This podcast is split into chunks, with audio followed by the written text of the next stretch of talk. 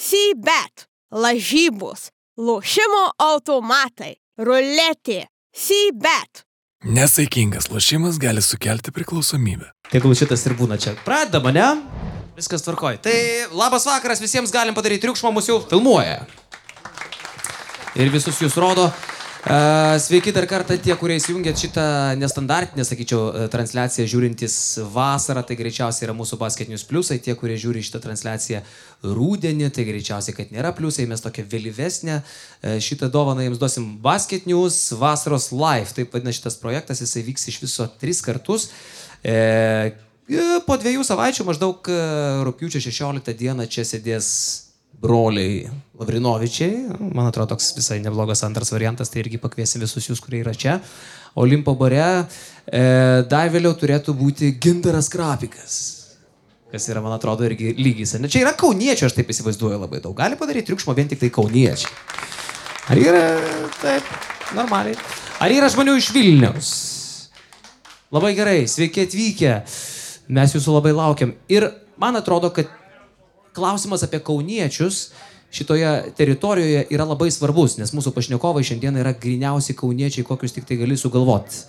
Vienas iš jų iš Panemūnės, kitas iš jų iš Laisvės alėjos. Abu jie olimpiniai čempionai, abu jie gimė beveik tuo pačiu metu. Vienas metais vyresnis, abu gegužės mėnesį, vienas ketvirtą, kitas penkioliktą. Ponios ir ponai, sveiki atvykę pas Rimą Kurtinaitį ir Valdemarą Homičių, Kauno Žalgiris. Ir kaip senais gerais laikais e, Kauno sporto halėje Vytautas Krajašas, nežinau, kas dirbo dar prieš jį, aš noriu pristatyti jums žmonės, tai pasitikite. Jis gimė gegužės 15. Jis augęs panemūniai. Žaidęs Vokietijoje, Ispanijoje, Rusijoje, Australijoje, Prancūzijoje. Jis neturi Facebooko, jis gyvena rokeliuose, jis dalyvavo NBA snaiperių konkurse. Jis yra išvaręs selą iš savo kiemo. Rimas Kurtinaitis. Man atrodo, kad galim pakilti savo vietą, ne?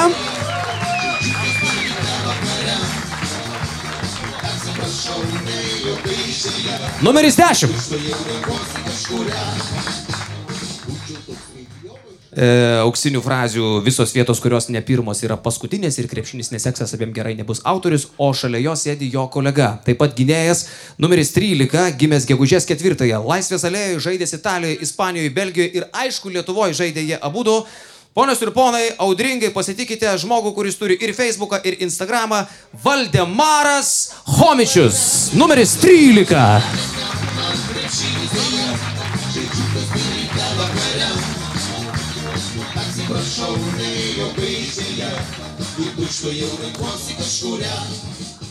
Tai mes turėsim uh, dvi, man atrodo, tokias e, dalis. Pirma dalis bus paprastesnė, apšilsim truputį, o paskui antroji dalis jau žmonės galės savo klausimus uždavinėti. Jeigu norėsit jų užduoti, rašykit, ten yra prie baro tokia urna. Vyrai, pažiūrėkit, ar veikia mikrofonai, jums abiem po vieną yra paruošta. Viens, viens, viens. Du, du. Super. Nuostabu. Mes seniai matėme šiaip. O kada jūs pirmą kartą vienas kitą pamatėte? Aš bandžiau skaičiuoti, man atrodo, kad tai galėjo būti kažkur tai apie 1978-7 metus, bet čia mano spėlionė. Jūsų draugystės kažkur tai 50 metis galėtų artėti netrukus. Aš teisus ar ne? Atsimenat, kada vienas su kitu susipažinot? Na, aš nežinau, kada valdas mane pamatė, bet aš jį pamačiau žaisdamas sporto mokykloje, buvau metais jaunesnis, bet jau toj sporto mokykloje buvau penki metai ir valda atsivedė jo vadinamas treneris, nes jis visą laiką ir įvardina savo visose knygose, e, Mindaugas Lukošius. E, Valdui buvo, man atrodo, tada 17 metų, jis atėjo iš lengvosios atletikos ir aš jį pamenu tokį kaip greitą, tvirtą fiziškai ir nemokantį žaisti krepšinio. Bet e, jeigu tas pats Mindaugas Lukošius, kurį jūs valdai grasinot sumušti, jeigu jūsų neatsives į krepšinį, čia tas pats Mindaugas Lukošius, čia tokia istorija buvo. Jūs buvo jūsų klasiokas ir rašo, kad jūs grasinot jam duoti galvą, jeigu jis nenusives jūsų į Ne, ne, mes treniruotę. klasiokai su juo tapom tik nuo 8 klasės, kada mane atleido iš 27 vidurinės už nepatenkinamą elgesį. Tada perėjome į ketvirtą vidurinę ir ten sustikome su Mindaugu. Bet mes augom su juo kartu.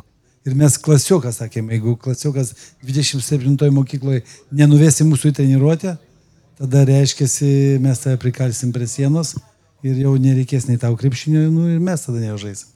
kas yra nepatenkinamas e, elgesys, jūs minit e, tai, ne, aš teko girdėti, kad e, Valdemaras Homičius bent jau taip rašo visur.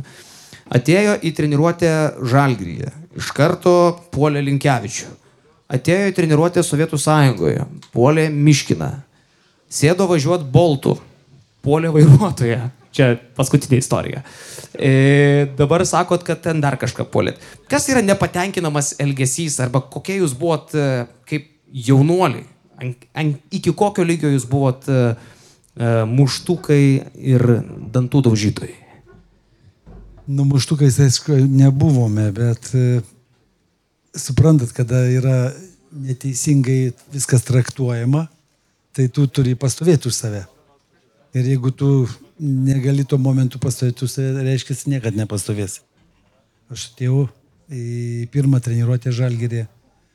Pirmas į treniruotę, kai visada ateinu, persirenginėti ir pradėjo rinktis Masalskis, seniai šitą Arlauskas atėjo ir paskiau kažkaip, kaip, kaip nekeista, buvo pirmi gynėjai rinkosi. Ir ateina Linkevičius, man sako, Sako, palauk, o ką tu čia darai? Aš sakau, persirenginėjau. Jis sako, man tokį gerą žodį pi iš čia. Aš sakau, aš kaip pi iš čia, tai sakau, tu jau tą krepšinį baigsi žaisti. Bet jūs tik tai atėjote į treniruotę, čia jūsų pirmas toks susitikimas, jo? Pirma treniruotė buvo žalgerė. Na, nu, aišku, mes paskiau susidraugavom, ten visą laiką ir gyvendom kambarį, bet viską. Bet mūsų toks pirmas kontaktas buvo, nu, gan žiaurus ir reikėjo pastovėti. Ir paskui aš atsakau, atsiprašau, jeigu užėmiau tavo vietą, tai galėjai paprasčiausiai sakyti, čia mano vieta, eik persirengti. Bet ne, reikėjo kažkaip tai įsišokti, nu tai aš ir nenusileidau. Bet jums buvo apie 20 metų, tai turėtų Linkievičius gerai reaguoti, kai ateina pacanas ir iš esmės jam iš karto pasiūlo eiti ten pat, kur ką tik pacaną pasiuntė jisai, ne? 18 ar 19. Tai absoliučiai, Linkievičius jau buvo komandos ambulis visiškas, tai turėjo būti įdomi.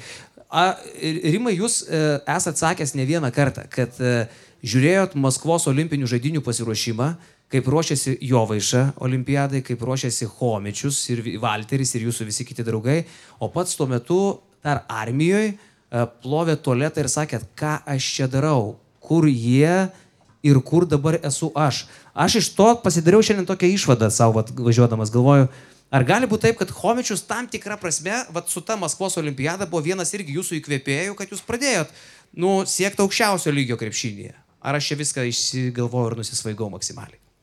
Na, patikslinsiu, žiūrėjau tada žinias 9 val. tualetą buvau užplovęs. Jau tada ne, ne, nebeploviau. Bet, e, na, mano gyvenimas mes, jeigu grįšim prie tokių dalykų, kas yra nepaklusnumas ar ten neklaužada, tai čia gal būtų dvi rūšis. Viena, kai tu paprastai nenori tą daryti, ką tau mokykloje liepia. Kita, kai tu jau tampi savarankiškas ir jau tavo tie klyskeliai būna tokie platesni. Tu jau tau kažkiek tai tų metų, tu nesilaikai kažkokio tai režimo ar panašiai. Tai aš praėjau tą visą kelią, aš nežinau, kartais už tai esu dėkingas ir nemanau, kad reiktų man ką nors gyvenime keisti, nes tada tu supranti, kas yra gerai ir kas yra blogai. Nes su Valdu, su Jovaiša, su Valteriu mes buvom senai pažįstami ir ne tik su juo. Ir kada aš guliau būtent pašlavęs gatvės, ten privalęs tų tualetų, nesvarbu, ir juos mačiau per televiziją ir aš, taip, aš pagalvojau, ką aš čia veikiu, kodėl aš ne ten, ašgi buvau jau tenais. Tas buvo motivacija, na ir tas tie reikalai mano nuo to laiko pradėjo įti viršų. Bet šiaip e, įdomus dalykas, jūsų matsų rimai e, dažnai lyginami ir pavyzdžiui mūsų kartos viena iš diskusijų irgi yra, kuris e, kietesnis sniperis. Tarkim, mes ir pirti kažkada kalbėjom, pamenu dar šią vasarą apie tai, kad e, mano karta Nu, jie matė ką? Jie matė kelis įrašus trumpus fragmentinius, bet visos jūsų karjeros skirtingai negu mato sekti negalėjo. Ir tai labai sudėtingai palyginti. Kaip pažiūri statistikas, lygį, kur prieš ką žaista, tritaškiai prieš Ameriką, Seulo olimpinių žaidinių pusfinalyje, galų galio olimpinis auksas, po to iškovotas ir taip toliau, lygini Matso karjerą, jo pergalės ir, ir pataikymus ir taip, ir arba jūsų faktorių, kad dalyvavo tritaškių konkurse, tu greičiausiai atsiduri visiškam pasimetime. Bet Macas, jis nuo pirmų dienų buvo aukščiausiam lygiai. Jis iš karto demonstravo aukščiausius rezultatus, jis buvo jau jaunimo tarpe. Jūs gana vėlai atėjote į aukščiausią lygį. Na, nemanau, nežinau, ką turi omeny aukščiausią lygį. Ar tu nori... Kada jūs pradėjote Ne, nu, aš Sovietų sąjungos pradėjau. rinktinį? 24, ne? Aš žaidžiau pirmam pasaulio, pasaulio čempionate jaunimo iki 21 metų, tai buvo Brazilijoje. Ir jeigu mes imsim tuo mastu, kad tada žaidžiau už Sovietų sąjungą ir Sovietų sąjungoje buvo 200 milijonų žmonių ir aš papuoliau į tą dvyliktuką, ką Valdas padarė, būdamas irgi 19 ar 20 metų tapo Europos čempionu, tai mes iš tų 200 milijonų žmonių buvom tam dvyliktukė. Na, Matsu garbė ir šlovė ir manau, kad jis vienas iš geriausių yra snaiperių, jeigu ne geriausias, bet jam reikėjo tik papulti į rinktinę e, tik tai iš 3 milijonų žmonių Lietuvoje. Tai jeigu taip lyginsi, tai aš net nežinau, kas yra geresnis. Antra, aš tau pasakysiu tokį paprastą gyvenimišką anegdotą. Ne? Kai moteriškės 86 metų paklausė, koks tavo, tavo vyras buvo geriausias tavo gyvenime. Jis sakė, paskutinis. Tai taip ir yra, tu ką matėjai, tau atrodė geriausia, o to, ką nematėjai, tau sunku vertinti. Esat su Matsu kalbėjęs, pavyzdžiui, pasilyginimui. Nu, aš Na, tą- mes esame ir, ir, ir rungtynėvę pasilyginimui. Ir manau, kad mes, mes žaidėm net iš pinigų. Nu, Nes išduokit mes, mes e, šiaip savo neža- nežaidžiam. Jau kai ateina kažkoks lygis, tai žaidži už kažką ir iš kažko. Mes, mes susidūrėm Lenkijoje, aš dirbau patarėjų e, Prokomo komandoje pas e, Tomą Pačiesą. Ir tuo metu Macijauskas norėjo po traumos olimpiakose grįžti į krepšinį ir treniravosi su Kosausku individualiai ir mes eidavom po treniruočių pamėtyti. Ir tritaškius, tai jau kai man būdavo sunku, eidavom mesti iš centro, nes reikdavo atmušti pinigus. Taip. Tai žaidėjas, kuris gali iš eilės įmesti šimtą kartų, aš nežinau, nes jau jeigu pirmą pataiko, tai nuk, nuklysti jau jam yra sunku. Tai lošėt iš tritaškių, kas daugiau mes, ar vienas prieš vieną? Ne, ne viens prieš vieną, nu kur viens prieš vieną, aš, man metų 60, jam 80. Tai nutylit, mes- nutylit rezultatą, jeigu trajakus metėt. Koks Na, rezultatas bu- buvo? buvo viskas, bet aš manau, kad jisai geresnis metikas.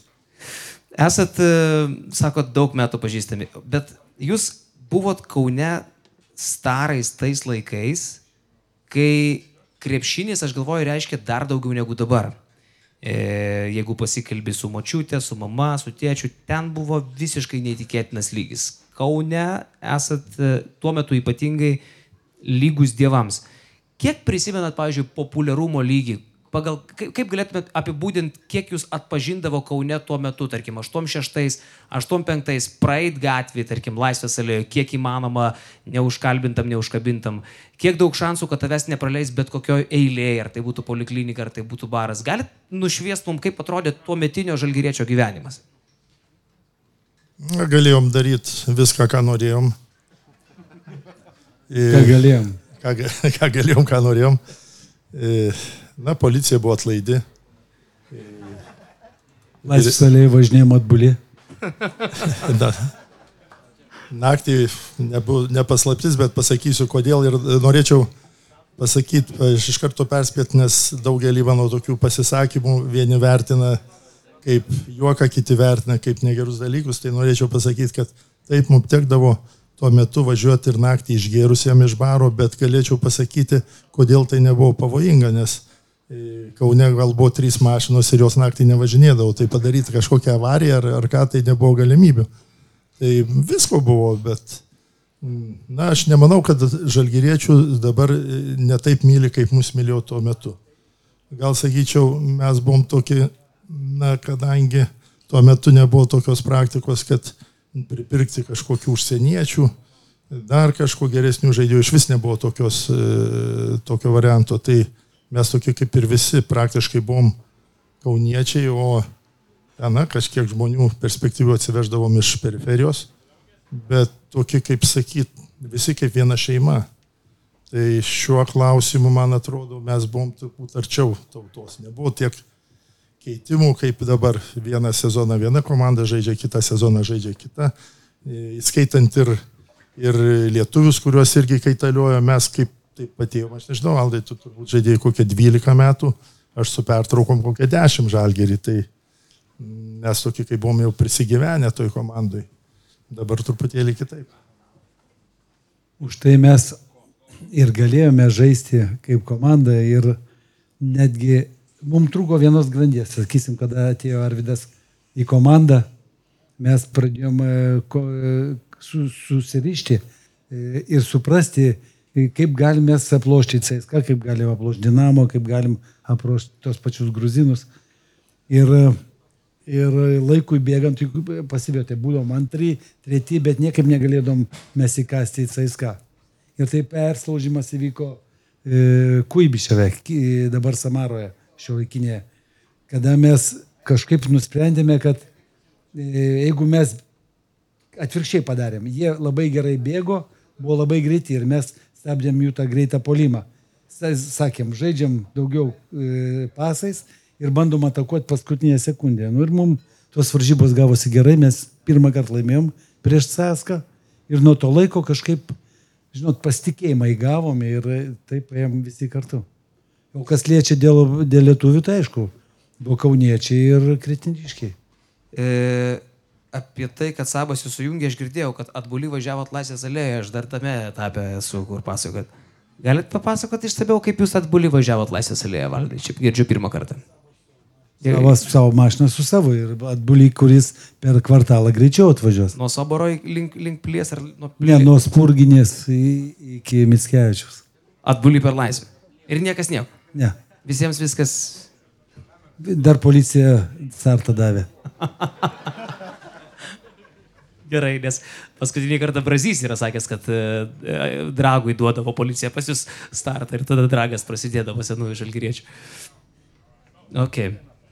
Dar galiu papasakoti vieną dalyką. Dėl policijos e, su automobiliu.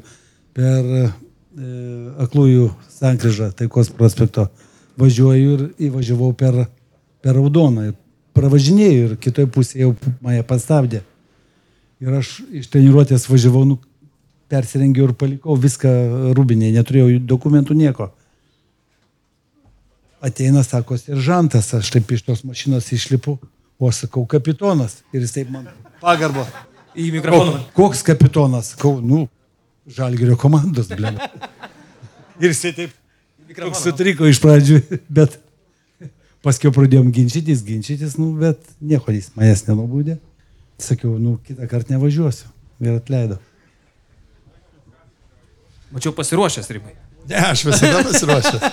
Pasiruošęs tik galėčiau papildyti, tuo metu gal žmonės buvo e, daugiau draugiškesni, E, nesvarbu, kas buvo policininkas, kas buvo, e, kas buvo krepšininkas, bet aplamai aš dabar irgi pasigendu to, aš nežinau, čia gerai ar blogai, gal čia, kai visada aš papulsiu prieš kažkokį įstatymą, bet, pavyzdžiui, jeigu mes pamatydavom, kad kur stovi policija, mums nebūdavo bėda, mes visada pamirksėdavom kam nors, kad jau tenais ir pavojus, tave ten gali nurenkti ir panašiai.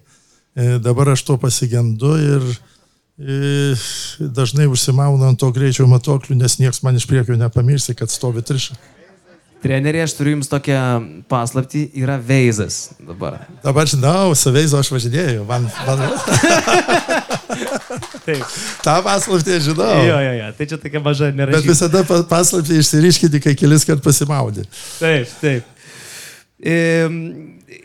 Aš suprantu, jūs panašios pozicijos žaidėjai, jūs viens ir prieš kitą turėjot e, ne kartą žaisti ir, ir treniruotėse, ir e, laukia, ir prie kokio tilto, ir prie kokiam so, sodybo, ir per šventės, ir kur tik tai nes turbūt žaidė, ne?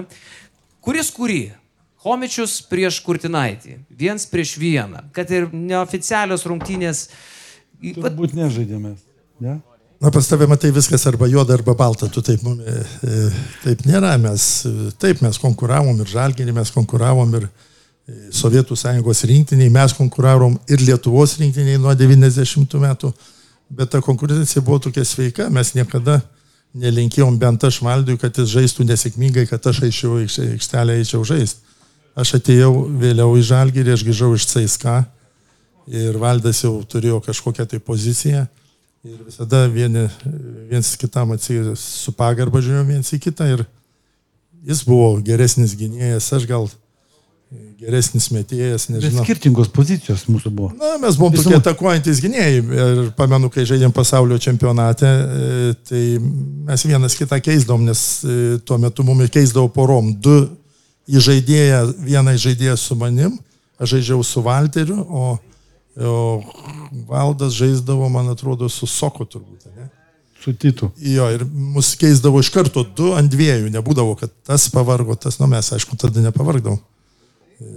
Bet žaisdavai, kad nori žaisti. Bet... Šiaip jūs žvėrys, o šita karta labai įdomus dalykas, aš nežinau, kas tai lemia, bet Sabas lošia iki 40, e, Kurtinaitis irgi panašiai iki 40. 41. 41, Homičius, kiek žinau, dar iš vis nebaigė. Dabar dar karjeros.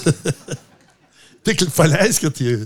Ir, ir ką, ir turit savo atsakymą, ir dar kokie statistiniai rodikliai, tiek Kraiteniai paskutinį sezoną LKL e po 16 taškų komečius rinko, uh, kurčio irgi rodikliai po 30 tik pradėjo kilti į viršų ir olimpinėse žaidynėse visi rekordai fiksuoti jau ten 3-2, 3-3, 9-5 turbūt rezultatyviausia buvo uh, dalis su Kinija 32 taškai. Tai kaip jūs patys, pavyzdžiui, aiškinat, kas, kas buvo kitaip, ar su pasiruošimu, ar tiesiog atsitiktinumas, kad jūs visi trys, Kurtis, Homičius, Sabonis, lošia taip ilgai ir tokiam aukštam lygiai. Sabas tų metų tapo MVP, Eurolygos irgi jau senas visiems žinomas faktas. Na, Sabas žaidė taip ilgai, nes nesitreniruodavo, tai jisai pataupė biški jėgų. Mes tai sportavom, valdas sportavo labai daug. Aš gal ne tiek, nes aš suderinau ir sportą, ir laisvalaikį. O šiaip tai, nežinau, mes taip augom visi, aš augau panemūniai, mūsų visi žaidimai buvo sportiniai.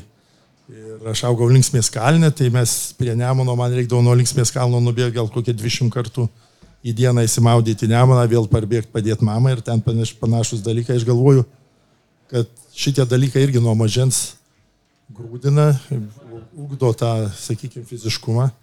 Dabar aš nenoriu sakyti dabar, kaip mes buvom ir dabar, kaip dabar yra. Bet mes dabar žinom, kad daugiau yra užimtumas kompiuteriai, telefonai, aš turiu penkis anūkus, du iš jų jau tokį paaugę ir sportuoja, tai aš žinau, kad jiem, jeigu netimsi telefono, tai jisai ir nenuvysi į treniruotę. Mes to, to tokių dalykų neturėjom ir aš manau, kad tas duoda tokį kaip, nu, kaip fundamentą statant namą arba kaip kuriant tas fizinės galės. Kita vertus, gal tuo metu nebuvo tiek daug varžybų, kiek dabar yra. Sportuodavomės daug, bet varžybos kito, kitokia tvarka buvo uždėliotos. Gal tas kažkiek duoda? Pasakysiu, kad mes sportuodavom su žalgeriu, sportuodavom, e, kai baigdavosi turas, tai mes išvažiuodavom visą laiką surinkti dar. Tai tu pridėk e, čempionato varžybos, aš taip esu suskaičiavęs, kad mes vieną sezoną sužaidėm daugiau negu šimtą varžybų bendrai paėmus Tarybų sąjungos čempionatą ir tiek kelionių, kiek padarėme su rinktinė išvažiavę. Tai nu, nepasakyčiau, kad labai mažai mes žaidėm. Tai panašus skaičius kaip ir dabar būtų, pavyzdžiui, Žalgeris sužaidė Eurolygoje ir LKL ir dar kitose turnyruose apie 80 kelias, pridėk rinktinės, rungtynės, draugiškas rungtynės, nu ir tu gausi irgi tą šimtą panašiai. Na, žinot, aš pasakysiu tokį netgi NBA žaidėjus, vajai sekant visą tą karjerą, sakykime, kai ma, e, Jordanas baigė savo karjerą ir Lebronas atėjo. Ir aš pamenu, kai tada įvedė NBA, kad žaisti pusfinalius lygi, lygi keturių pergalių, o ne tik finalus lygi keturių. Ir tada prasidėjo šiandien žaidėjų, o mes ir taip pavargstame, mes negalim žaisti. Ir vienas iš tokių pavargėlių buvo Lebronas bet aš jį suprantu, nes jis žaidžia po 40 minučių, 48 minutės per sezoną. Ir tada Jordanas išstojo su tokiu, e, reiškia, tokiu pasakymu. Aplamai Jordanas labai pastabus ir man jis yra vienas iš kumirų, ne todėl, kad jo lengva pavardė, bet jisai yra pasakęs daug gerų dalykų ir padaręs daug gerų dalykų. Jis pasakė, aš nesuprantu, kodėl dabartiniai NBA žaidėjai visada verkia dėl kažkokio nuovargio. Man visada trūkdavo, nes mes pamenam, kai Jordanas žaidė, kokiam lygiai ir, ir po kiek minučių ir sako, man visada trūkdavo varžybų, aš eidavau dar su studentais pažaisti į universitetą, nes man jų dabar jūs uždirbdami ten tų pinigų, nežinom, koks ten galybė, jau dabar skaičiau kažkas 300 milijonų pasirašė kažkokį tai ten kontraktą. Raunas. Tai, nu, tai sako, tiek uždirbdami jūs verkė dėl kažkokių vienų rungtynių. Ir tada pamenu, Lebrono vėl išstojimas buvo toksai, ne, ne, jūs mane netaip supratote, aš netaip norėjau pasakyti ir panašiai. Tai aš manau, kad Reikia daryti gyvenime tą, ką reikia daryti. Mažiau ten verkti, mažiau galvoti, ateini, pajaus malonumą, aš dabar svaja grįžti automatiškai prie tų rungtinių skaičiaus. Mums garbė buvo visada žaisti rinktiniai. Mes norėjom tų varžybų. Gerai valdas kažkada pasakė, sako, o jums nepavydžiu dar, kai aš nežaidžiau Sovietų sąjungos rinkiniai. Jūs turite tiek daug treniruotis, nes mes treniruodomis tris kartus į dieną, keturias dienas, viena laisva, tris kartus į dieną. Ir paskui tik žaidži už mėnesio kažkokias varžybas. Baigėsi turas, žaisdavom šešias varžybas iš eilės. Baigėsi turas, kažkiek yra duoda treneris Garastas mums kažkiek tų laisvų dienų, mes jas praleidžiam, kaip jau jas Trys praleidžiam. maksimum būdavo. Trys. Na ir vėl renkamės, vėl mėnesį treniruojamės, kad žais kitam turė. Ir žaidži vėl šešias rungtynės iš eilės. Tai Valdas sakydavo, "Mu- būtų geriau, kad tik tai žaisti, nereiktų čia tom vasarom treniruotis, nes krūviai buvo baisiniai. Na, kažkaip tuo metu net negalvodavom, kad čia bus daug, mažai, kažko nematė. Mes vieną kartą suskaičiavom su Valdu, nes mes visą vienam kambarį gyvendom, visas mūsų gyvenimas yra susidėjęs, kad mes tokie nuo mažens draugai. Ir, reiškia, suskaičiavom tas dienas, kur mums duodavo ir kiek žalgerį nebūdavom stovyklose, nes mes pastoviai būdavom uždaryti stovyklose, kad mus kontroliuotų, kad mes nenusižengtume, ne, su šeimom gyvendom labai retkarčiais, tai esam su, suskaičiavę, kad iš 12 mėnesių su visom tam kartu grįžti namo 3-5 dienom ir vėl važiuoju į stovyklą, ar tai į Tarybų sąjungos stovyklą, į Sovietinės sąjungos stovyklą, ar tai į Žalgerio, mes 9 mėnesius būdavom stovyklose, plus varžybos. 3 mėnesius, vadedant po tas 3 dienelės, susidėdavo tik tai, kad šeima. Na, apie kažkokius Namuose. gimdymus, ten nuovargius, baldų stumdymus, iš vis ne, ne tokios. Kažkaip surasdom laiko tuose trijuose mėnesiuose. Tai būdavo kaip šventoji apvaizda namuose. Pasirodydavo Bet spėdavom viską padaryti. net, Užtekdavo netyčia, netikėtai ir trumpam. Bet, bet galiu pasakyti, kad irgi turi, šitas dalykas turi privalumų, nes nėra šansų susipykti su žmona. Nes pra, praktiškai nebūni namuose, viskas tau sekasi gerai. Beje, kalbant apie žmonas, kalbant apie žmonas, mes turim e, šiandieną kelis video klausimus, tai e, dėmesio į ekraną, man atrodo, kad e, pirmas, pirmas klausimas dabar labai bus į temą. Va, beveik, čia tarp kitko vaizdai, apie kuriuos irgi kalbėsim dar Seulo olimpinių žaidinių e, finalai ir pusfinaliai, o čia Agnė Homičione tiesiogiai iš Tenerifės. Sveiki, valdelį ir rimukai. Noriu užduoti Jums klausimą. Kuris daugiau laiko užtrukdavote išėję iš namų išmesti šiukšlės? Kas čia per istorijas e, su tom šiukšlėm? Aš esu kažką per myglą girdėjęs. Na, buvo visko. Vi... Vieną kartą išėjau pasimti laikraštį, tuo pačiu išmest šiukšlės ir paimti laikraštį.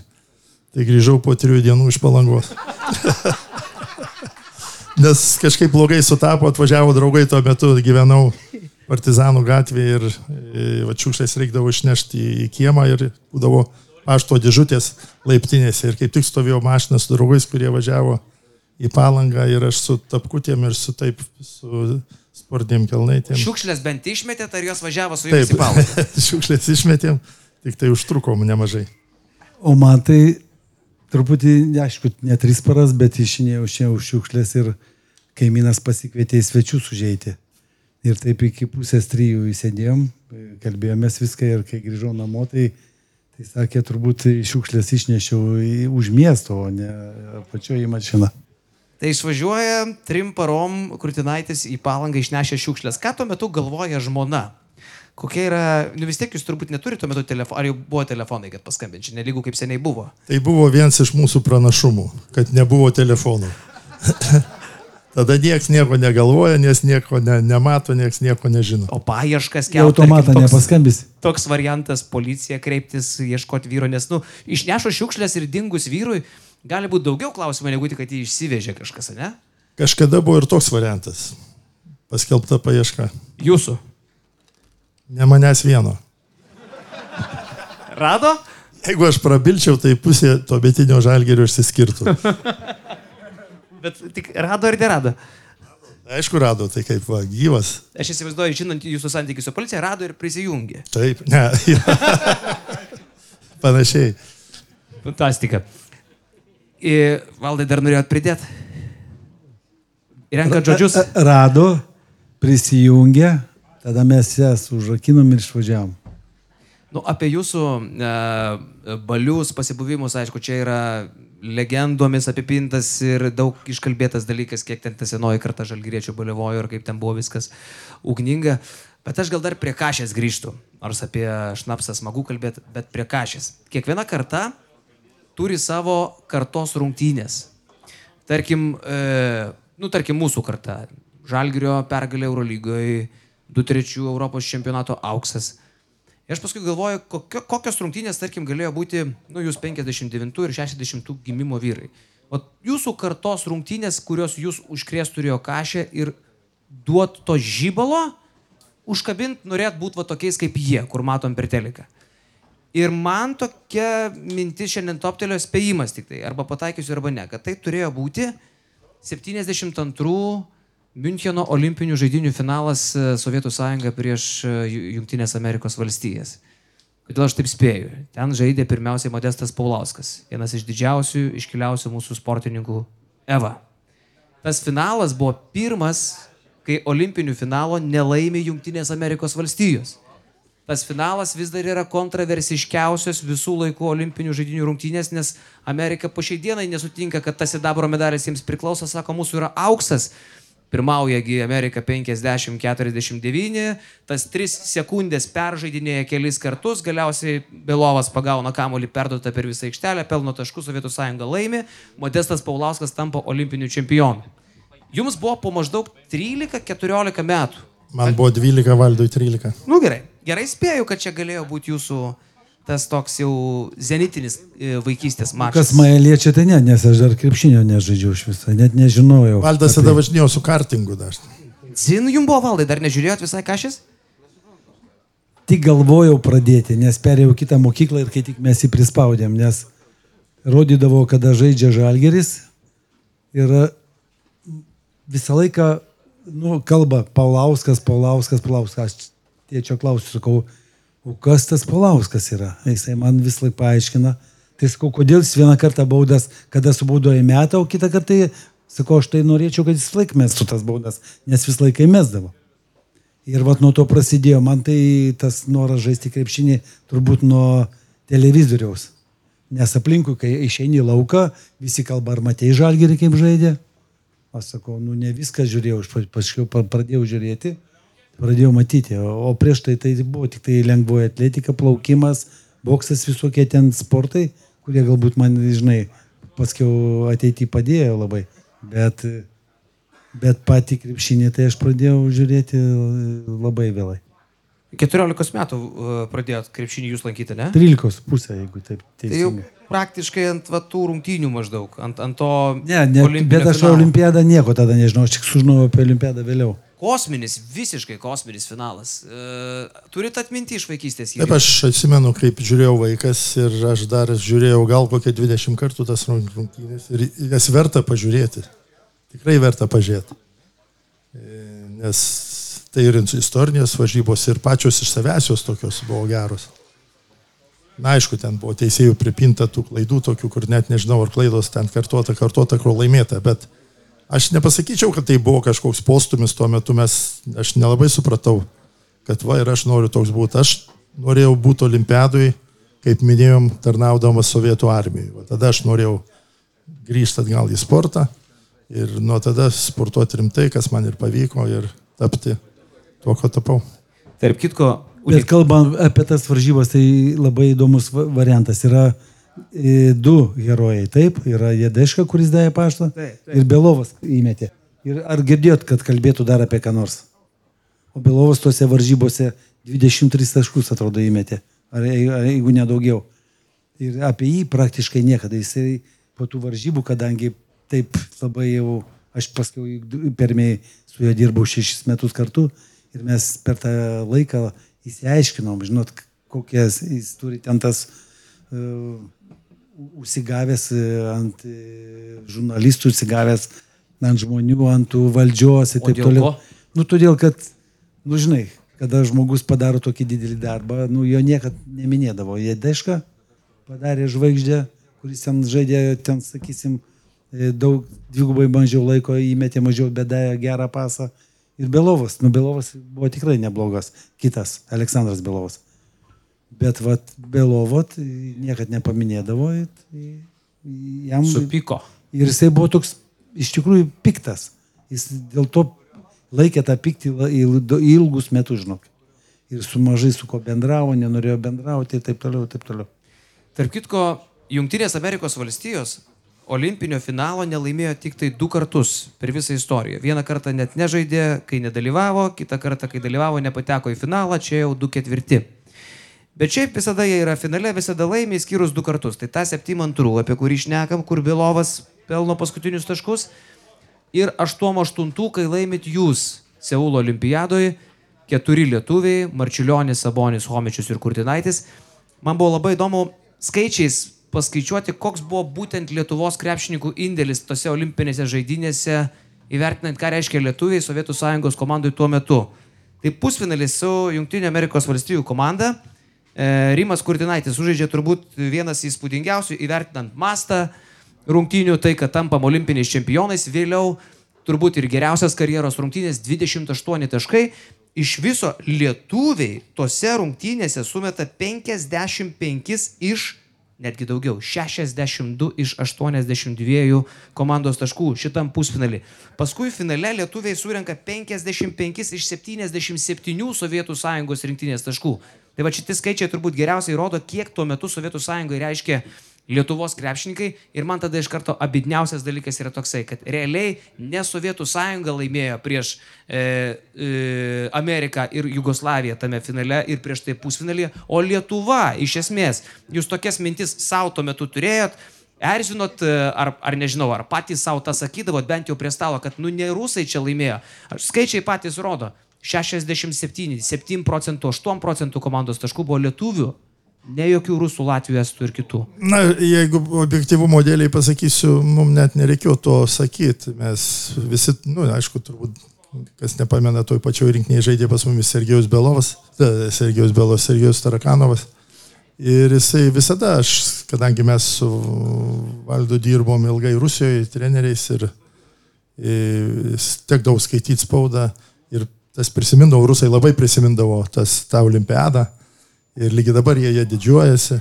Bet visada sakydavo Tarakanovas, jis tada buvo toks mūsų vienas iš lyderių komandos, kad ne mes, ne rusai laimėjom olimpiadą, lietuviai mums laimėjo olimpiadą. Tai čia niekas to neslėpdavo ir mums to girtis, girtis tom nereikėjo. Šiaip ten unikali istorija, kaip Saba Gomelskis įkalbėjo traumuotą Sabą galiausiai sužaisti. Jūs nejautėt, kad Sabą jis privers žaisti, kai jis išvažiavo, kad jis čia nebus tik tai žiūrovas. Išvažiavo Arvidas Sabo, Sabonis traumuotas 88 į Seulą, Gomelskis sako, atvažiuok, pabūsi žiūrovas, palaikysi kompaniją, galiausiai Sabas žaidžia ir tampa geriausio olimpiados krepšininku. Bet jūsgi turėjote jaust, kad Gomelskis gudrus vyras ir jisai galiausiai privers Sabą žaisti. Kaip jūs galvojate, Sabas pats nesuprato, kad jis žais, tikrai, kad jis nebus žiūrovas. Ne, savo, ne, ne Gomelskis jį privertė, jisai tik tai jam pasiūlė atvažiuoti. Bet žinant Sabą, kad jisai jis negali nežaisti, kada jis yra komandoje, tai taip ir įvyko. Paprastas dalykas. Bet jaučiu žinot ir jūs, kad Bet kurį iš mūsų, žais. jeigu statysi žaisti, mes žaisime. Na, Sabas yra toksai žmogus, jeigu jis pradeda žaisti biliardą, tai jis jau įžais. Jeigu krepšinį jisai žais, nesvarbu skauda ar ne. Jeigu pasodinsi prie stalo, tai iki ryto nesitrauks, tai jis jau yra toks žmogus, jeigu dirba, tai dirba. Tai čia vienas iš jų tų, tokių pranašumų. Ir taip, reikėjo įkalbėti, kad jisai važiuotų. Ir, ir reikėjo įkalbėti, kad jis atvažiuotų į mūsų paskutinę stovyklą, kad pabūtų su mūsų, mumis treniruotėse. Ir paprasčiausiai Gomelis sako, tu važiuok su mumis į Seulą. Ir e, ten pasėdėsi, Pakelsi pasėdėsi, mums tavo moralinė pagalba bus, nes taip, ką imti ten 12 nebuvo labai svarbu. Ir ta moralinė pagalba bus svarbi, na, kaip jau įkalbėjo važiuoti, tada jau įkalbėjo žaisti. Bet aš manau, kad čia dar kartą yra toksai pavyzdys. Arvidas, jeigu kas nors nežinot, buvo nežaidęs krepšinio metus laiko, reabilitavosi po dviejų Achilo operacijų, du kartų jam buvo trūkę ir jis tiesiai nuvažiavo į olimpiadą. Tai vėlgi grįžtų prie tų pačių dabartinių laikų, kodėl mums reikia įkalbinėti kitus žmonės už kažką žaisti, pavargę, nepavargę, skauda, neskauda. Tai čia yra geriausias pavyzdys to profesionalaus krepšininko, nors gal gyvenime ne visada į save vedė e, profesionaliai, bet aikšteliai, kuris troško pergalės, bet kokią kainą. ne, nežiūrint į savo sveikatą ir aš manau, kad be Arvido mes nebūtume laimėję olimpiados. Visada norėjo laimėti. Visada. Aš tai įsivaizduoju, kaip jūs norėjote to olimpiadai pavaryti. 80-ų olimpiadai nepavyko sudalyvauti, valdas buvo tarp kandidatų, bet dar gal per jaunas, buvo geresnių, paėmė kitus. Kur Ne, ne, ten tis- buvo kita situacija. E, Mes su Valteriu visumoje turėjom papulti į tą olimpiadą. Ir būtume tikrai papuolę, jeigu būtų amerikonai atvažiavę. Bet kada amerikonai atsisakė, Gomelskis sako, jūs esate jauni ir sako, mes turim duoti e, užbaigti karjerą Jadeškai, Miloserdovui, Belovui, visiems, kad jie gražiai baigtų. Mm. Ir tada mus du pačius jauniausius, Valterį ir mane, atkabino iš rinktinės. Aštuom Nors mes ketvirtais- buvom iki paskutinės dienos kartu. 84 irgi nepavyksta, nes nedalyvauja rusai, Sovietų sąjunga tiksliau, ne rusai, e, ignoruoja e, Los Andželo olimpinės žaidynės, lieka tik 88, tai to sportinio pykčio pavaryti. Aš manau, kad mes buvom geriausia komanda, kokią turėjom Sovietų sąjungoje, tai 84 metais. Dėja, mums nepavyko nuvažiuoti, bet at- atranką mes vis, tik Europos atranką sudalyvavom ir turbūt mažiausia tai, ką, kas prieš mus pralaimėjo, tai ispanai, tai 30 taškų skirtumų, kurie žaidė finale ir žaidė su prieš amerikiečius. Ir antrą vietą užėmė. Tai Bet... va tada buvo, buvo, manau, kad mūsų komandos pikas, man tik tai džiugu, kad mums pavyko išlaikyti dar keturis metus. Buvo labai įdomu ir mes ruošėmės ir visą laiką Gomilskis mums kartuoja, sako, žinom, kad visa delegacija tikrai atsisakys, nevažiuos, bet e, kalbos vyksta, kad važiuotų tik krepšinis. Tai jisai mus išlaikė iki pat pirmos, paskutinės dienos, kol atsisakė. E, Geroj formoje ir treniravomės be jokių to. Ir kada pradėjom žaisti ten tos sandraugos varžybas, ne, kažkur padarė visų šalių, kurios atsisakė e, sąjungos, tai varžybas, tai mes tada žaidėm nu, vienu kvepavimu, ten viskas gavosi iš karto. Tark kitko, šita 88 Amerikos rinktinė, jinai sako, nu netokia stipri kaip 92. Faktas, nes 92 ten buvo visiškas drimtimas, tai neįtikėtina komanda, turbūt stipriausia visų laikų Junktinių Amerikos valstybių rinktinė, su jie jūs irgi žaidėt, Jordanui stogą įkapojot, bet 8 e, šita rinktinė laimėjo 7 iš 8 va šitos olimpiados rungtinių, vidutiniškai 35 taškų skirtumų. Egiptas suvarė 70 taškų, tai turbūt aišku tą vidurkį išpūtė, ne, bet bet kuriu atveju 35 taškų skirtumų vidutiniškai laimėjo visas likusias rungtynės, išskyrus tą vieną uh, pusfinalį. Buvo, nes amerikiečiai vis tiek visais laikais, jie buvo beveik, beveik visas olimpiadas laimėję, jie žiūrėjo iš aukšto į, jiems tai aišku rusą, ne jokį sovietą, jiems tai yra rusas. Aš tai galiu pasakyti taip, kad, žinot, yra treneris, kiek, kiek dabar mes kalbam, ruošiamės, žaidėm šitas varžybas, e, tada galvosim apie kitas varžybas. Kai nuvažiavom į olimpiadą, e, nu, turėjom tikrai neblogą komandą, turėjom visose pozicijose žaidėjų, bet ką darė treneris mūsų? Jis kiekvienas e, treniruotė, pirmoje eilėje ruošėmės spausti, prie, žaisti prie presingą. Ta, ką darė amerikiečiai, nes ten vidutiniškai laimėję po 40 su viršum taškų eina ir ką mes pradedam, mes padarom apšilimą ir žaidžiam prie pre- presingą. Tai sakom jam, tai mes lošim prieš italus, italą nespaudžia.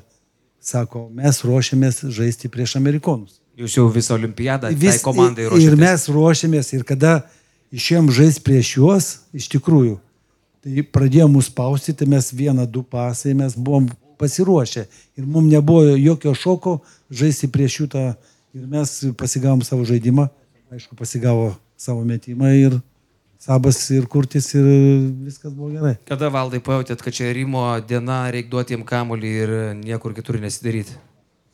Pajausti matai, gauna kamolį, pataiko ir jau matosi, kad žaidžia. O Sabui nors kiek nors ta trauma jautėsi, ar jisai ją užmiršęs ir, ir buvo šimtaprocentinis? Ne, mes pirmas rungtynės, atrankinį turnyrą mes prieš Jugoslavijos komandą su priekį su Dražanu Petrovičiu laimėjom 16 taškų skirtumu. Ir mes tokioj neblogoj formoj buvom įpratę jau kokią metus laiko žaisti be sabonio. E, Nuvažiavome į Ameriką ir jisai išėjo žaisti pirmos rungtynės su Jugoslavija, mes pralaimėjom turbūt kokią 14 taškų skirtumą, nes Arvidas pasakė tada auksinius žodžius, Jisai nieko negalėjo padaryti tas rungtynės, o mes jo sulaukėme, jį žiūrėjom kaip į tą lyderį, kurį mes pažinom prieš pusantrų metų ar du metus. Ir tada jis rūbiniai sako, jūs netaip truputėlį, aš atvažiavau šį, šią olimpiadą jums padėti, jūs žaiskite, o aš jau prisitaikysiu, jūs nežiūrėkit, aš nieko negaliu, aš metus laiko nežaidžiau krepšinio. Na, sakykime, tokie paprasti žodžiai mums davė tą suprast, ką, ką mes turim, privalom daryti. Na ir aišku, jisai, kai Arvidas, sakė, ten superinis talentas, iš kiekvienas rungtynės tobulėjo, finalą, pusfinalį sužaidė aplamai idealiai. E, Sabas yra sakęs, sako, Seulė auksas, Seulė auksas, bet jis rodo Barcelonos bronzą, o sako, o čia yra dušė. Sako, čia tik tai auksas, o Barsa yra dušė, nes 92 mes galim ir kitą įjungti, ne, Aridonai? 92 jau žaidžiam Olimpiadoje kaip nepriklausoma Lietuva. E, važiuoja ta pati ketveriukė Seulo olimpinių čempionų, plus ir nemažai legendų, žmonių, kurie jungiasi prie e, jau nepriklausomos valstybės komandos. Čia mes rodom 95 e, Europos čempionatą, bet pakalbam apie 92. E, man ten įdomus yra kampas prieš olimpiadą. Jūs patys pasiskiriat komandos trenerį. Šiais laikais tai turbūt yra sunkiai įsivaizduojama, nors buvo tokių kalbų, kad ir dabar žaidėjai kartais taria patariamą į žodį, koks treneris norėtų, kad treniruotų rinktinę, bet uh, garastą jūs patys pasiskyrėt. Kaip atrodė pats procesas, kaip žaidėjai nusprendžia, kad mes norim šito ir mes tą padarom? Na, Valdas buvo kapitonas. Mes primetėm, kad nėra kito varianto, kadangi mes praktiškai sudarėm pagrindą Lietuvos rinktinės žalgyriečiai. Garasas buvo ilgametis mūsų žalgerio treneris ir skirti kažkokį kitą trenerę. Iš tų trenerių nebuvo ten kažkiek tai daug, nu buvo Andriaitis, bet e, Garastas, aš manau, tuo metu buvo stipresnis treneris ir Valdovo dėka jis paskyrė. Kai sužinojom, kad e, bus sporto mokyklo direktorius e, Sargūnas. Sargūnas bus vyriausias treneris, turėtų būti vyriausias treneris. Tai niekas prieš Sargūną neturi, bet jis neturėjo jokio patirties dirbti su saugusiais tokio lygio varžybos ir taip toliau. Ir kilo tokia idėja, kad, kad turim susigražinti Vladą Garastą kaip trenerį.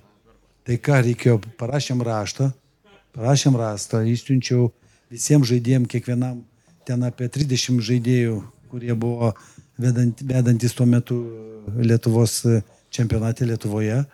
Visi pasirašė, tą raštą įsiuntėm vyriausybei, olimpiniam komitetui, sporto komitetui. Aš atsimenu net ir per televiziją ten skaitė. Nu, ir kaip ten pyko ar nepyko ant Vlado Garasto, bet jie pastatė. Ne, buvo Garasto nemėgėjų dėl to, kad jisai treniravo Sovietų Sąjungos rinktinę jau nepriklausomybės aušroj. Todėl, kad e, kada mes, būdami rinktinėje, Gomilskis buvo diskvalifikuotas. Nežinom, dėl ko jį diskvalifikavo. 89 metais diskvalifikavo ir sako, reikia naujo rinktinės trenerių. Turėjo būti arba Selikovas, arba Garastas. Ir mes, va, e, e, Latvijai, Estai, Lietuviai, Ukrainiečiai, mes pasitarėm, sakom, statom Garastą. Ir mes tada per rinkimus nubalsavom, kad būtų Garastas rinktinės treneris. Bet Lietuvoje prasidėjo judėjimas, Lietuvoje norėjo įsilaisvinti ir aš, būdamas kapitonas, sakau, hibrytė, sakau, davai, ei, varom iš čia, važiuojam. Nesakau, mūsų tai niekas nesupras, jeigu mes e, liksime rinktinė. Ir mes e, sugrįžom atsisakėme ir dar net nežinojom, kaip ten kuo baigsis viskas. Ir, ir, ir, bet vis tiek surizikavome ir išvažiavome, palikome, o treneris buvo treneris ir jisai liko e, dirbti. Ir dėl to gavosi. Čia Valdas kalba apie Tarybų sąjungos rinkinį. Taip, taip, suprantu. Ir paskui liko NVS. Iš, iš, jau suirus Tarybų sąjungai, taip. ta likučių komanda, Sovietų sąjungos likučiai. Tai, tai ir mes turbūt toliau būtume nežaidę. Šiaip e, aš pasikalbėjau su Vladu Garastu prieš šitą mūsų pokalbį. Vladui Garastui dabar 93, beje, galite paploti, treneris ką tik šventė savo 93 gimtadienį. Šviesaus proto absoliučiai, vis dar yra apie ką aplėpėti, vis dar žmogus pilnai orientuojasi ir bairis. O, aš sakau taip, man yra Adamkus, Čekuolis, Gerastas Ir Landsbergis, kur atrodo, kad žmonės jau Ir daug metų- Varnaitė, Varnaitė. A. Ir, ir galva Max, kompiuteris. Garastas sako, puikiai prisimenu, kad e, Homičius e, e, buvo iniciatorius to, kad aš treniruočiau 92 komandą. Sakau, tai treneri. Tai kodėl tada valdo nepaėmė 96 į komandą, į olimpiadą, kur buvo Rimas Kurtinaitis, sakau, kaip kažkada 80-ais davė vyriausiams žaidėjams irgi dar sužaisti vienas olimpinės, sakau, kodėl tada Homičius negalėjo sužaisti 96 ir aš žinau, kad jūs valdai šiokio tokio pykčio tuo klausimu turėjot. Pasak trenerio Garasto, sako, pasakysiu nuoširdžiai, sako, mane tuo metu labai spaudė. Aš dabar jau tą galiu turbūt atvirai sakyti, nes senatis suėjus, paslapties mažai, bet sako, aš jaučiau nemažai spaudimo tuo metu ir tai nebuvo mano vienas sprendimas. Tai čia, čia toks nuokrypis, bet kalbant apie trenerį Garastą, tai dėmesio į ekraną šiandien jisai turi klausimą savo buvusiems auklėtiniams Kurtinaičiui ir Homičiui. Labas valdai ir sveikas Rimai. Malonu, kad dar esu tokiame, tokioje būklėje, kad dar galiu jum ir kažko paklausti. Tai aišku, džiaugiuosi tokia situacija. Ir per laiko prizmę galiu tik tai labai įdomu, kaip jaučiatės trenerio būklei, kaip jums atrodo trenerio profesija. Kada buvo žaidėjai, tai buvo viena, o dabar yra kita situacija. Labai mane būtų įdomu sužinoti iš jūsų. Iš veido nepasakysi, kad būtų labai įdomu sužinoti. Vladas Garastas, ponios ir ponai.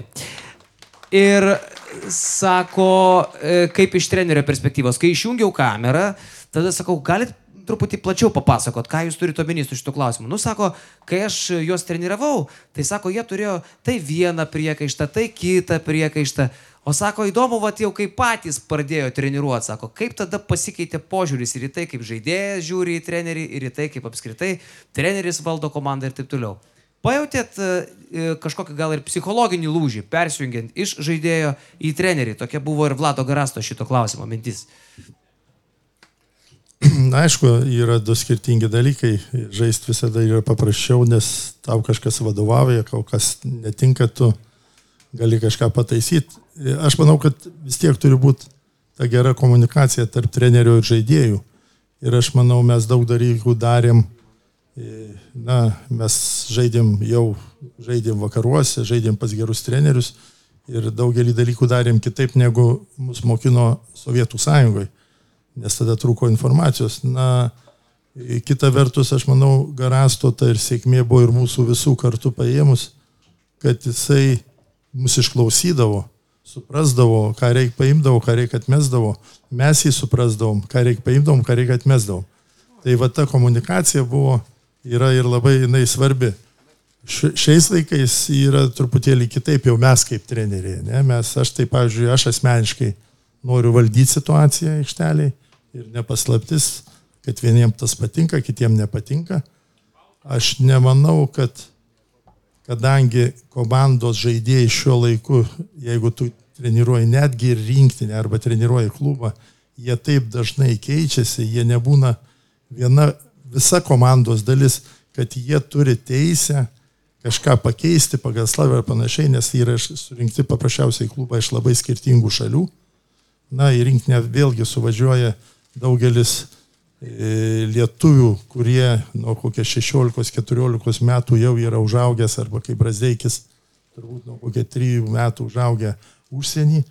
Ir aš manau, čia yra šiuo metu, kaip mes jau dabar treneriai, tai yra ta nuomonė turėtų būti treneriu, aš taip galvoju.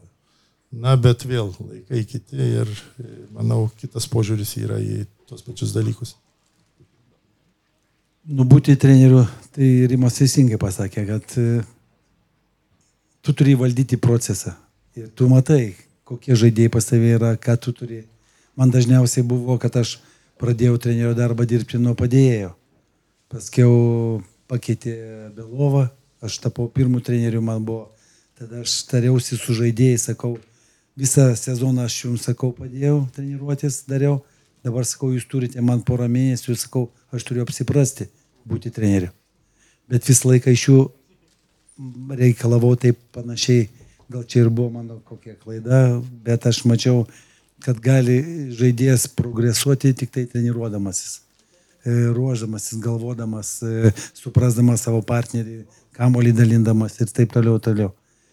Ir tas buvimas pirmas, pirmus mėnesius, jie man padėjo, bet paskui, kada mums jau reikėjo papulti, e, sakysim, buvo lemiamos varžybos, e, trejos varžybos ir su pirmoji vietoje stovinčia CSK ir su, su Uniksu, tai mes laimėjome tas varžybas, nes su Uniksu net laimėjom 27 taškais.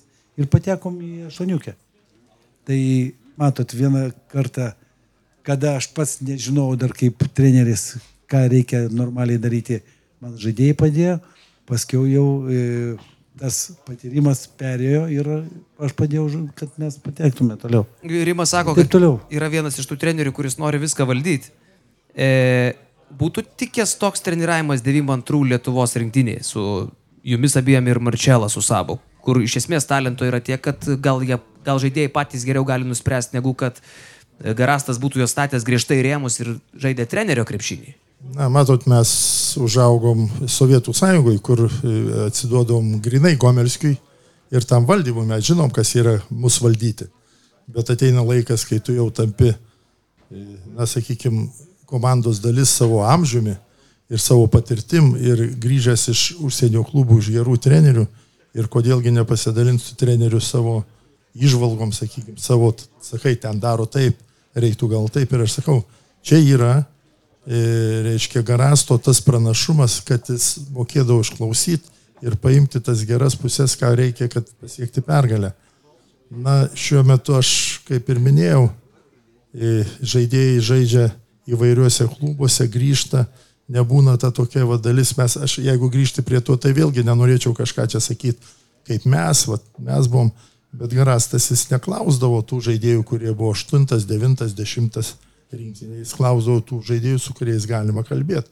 Aš pamenu, kai žaidžiau Madrido realę, tai Abradovičius, geriausias, manau, e, visų laikų, pakol kas šiuo metu Eurolygos ar Europos treneris, jis dažnai atsiklausdavo savo, ką reikia daryti, kaip reikia padaryti, kaip tau patogiau ir panašiai. Ir aš manau, kad čia yra gerai, bet tik vėlgi grįžkim prie to Ar tu turi ko atsiklausti, ar turi tokių žmonių, kurie net būdami žaidėjai tau gali kažką pasakyti naujo, gero, kad pasiekti pergalę.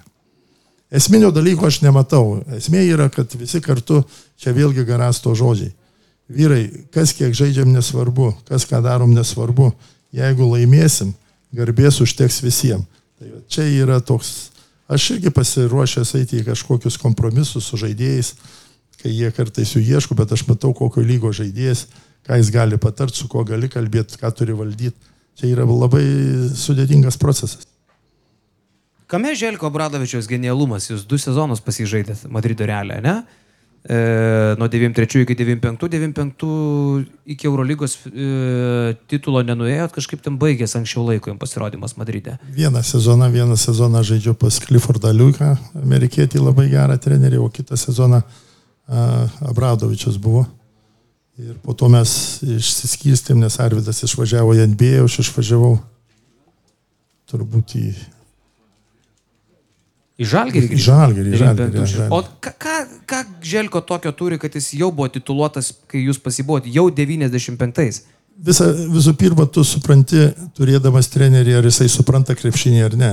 Kodėl aš kartai sakau, kad E, reikia ruoštis kaip treneriui, kiekvienai treniruotėjai, kiekvienam atsakymui. Man teko treniruoti Himkus, kurio, kur per, per tą laiko tarpą, aš nežinau, kokie aštuonis metus man turbūt su jais teko dirbti, kur pas tave žaidžia žaidėjai, kurie praktiškai visi buvo NBA. Visi turėjo gerus trenerius, mokytojus nuo sporto mokyklų. Ir tu ne, neturi E, neturėti atsakymo, jeigu jis paklauso, kas treneri, jeigu čia kažkas įvyks. Tu turi visiems, nes jeigu tu tik sudvėjosi, nu jeigu čia, tai mes tada gal ten, jau tu prarasi pagarbą, tu prarasi tą autoritetą ir tu nebevaldysi komandos. Tai Želko, ką turėdavo, jis turėdavo, mes su Želko dargi žaidėm, prie Želko žaidėm toj pačioj olimpiadoje ir žaidė, e, bet esmė, kad jisai buvo mano bendramžis, jis už mane dabar galvoju, ar vyresnis keliom dienom, ar aš vyresnis už jį, kažkas, kažkas tokio.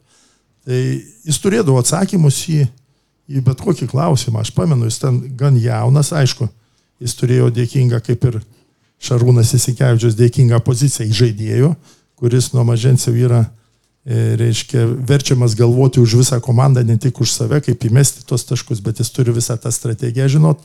Tai e, to ampluo į žaidėjai visada turi tokį pranašumą tampant treneriu, nes jie masto plačiau. Tai Želko turėjo autoritetą vien dėl to, kad jis išmanė krepšinį, mokėjo jį nupasakot, bet jis buvo valdingas. Dabar jis yra jau netoks, koks jis atėjo.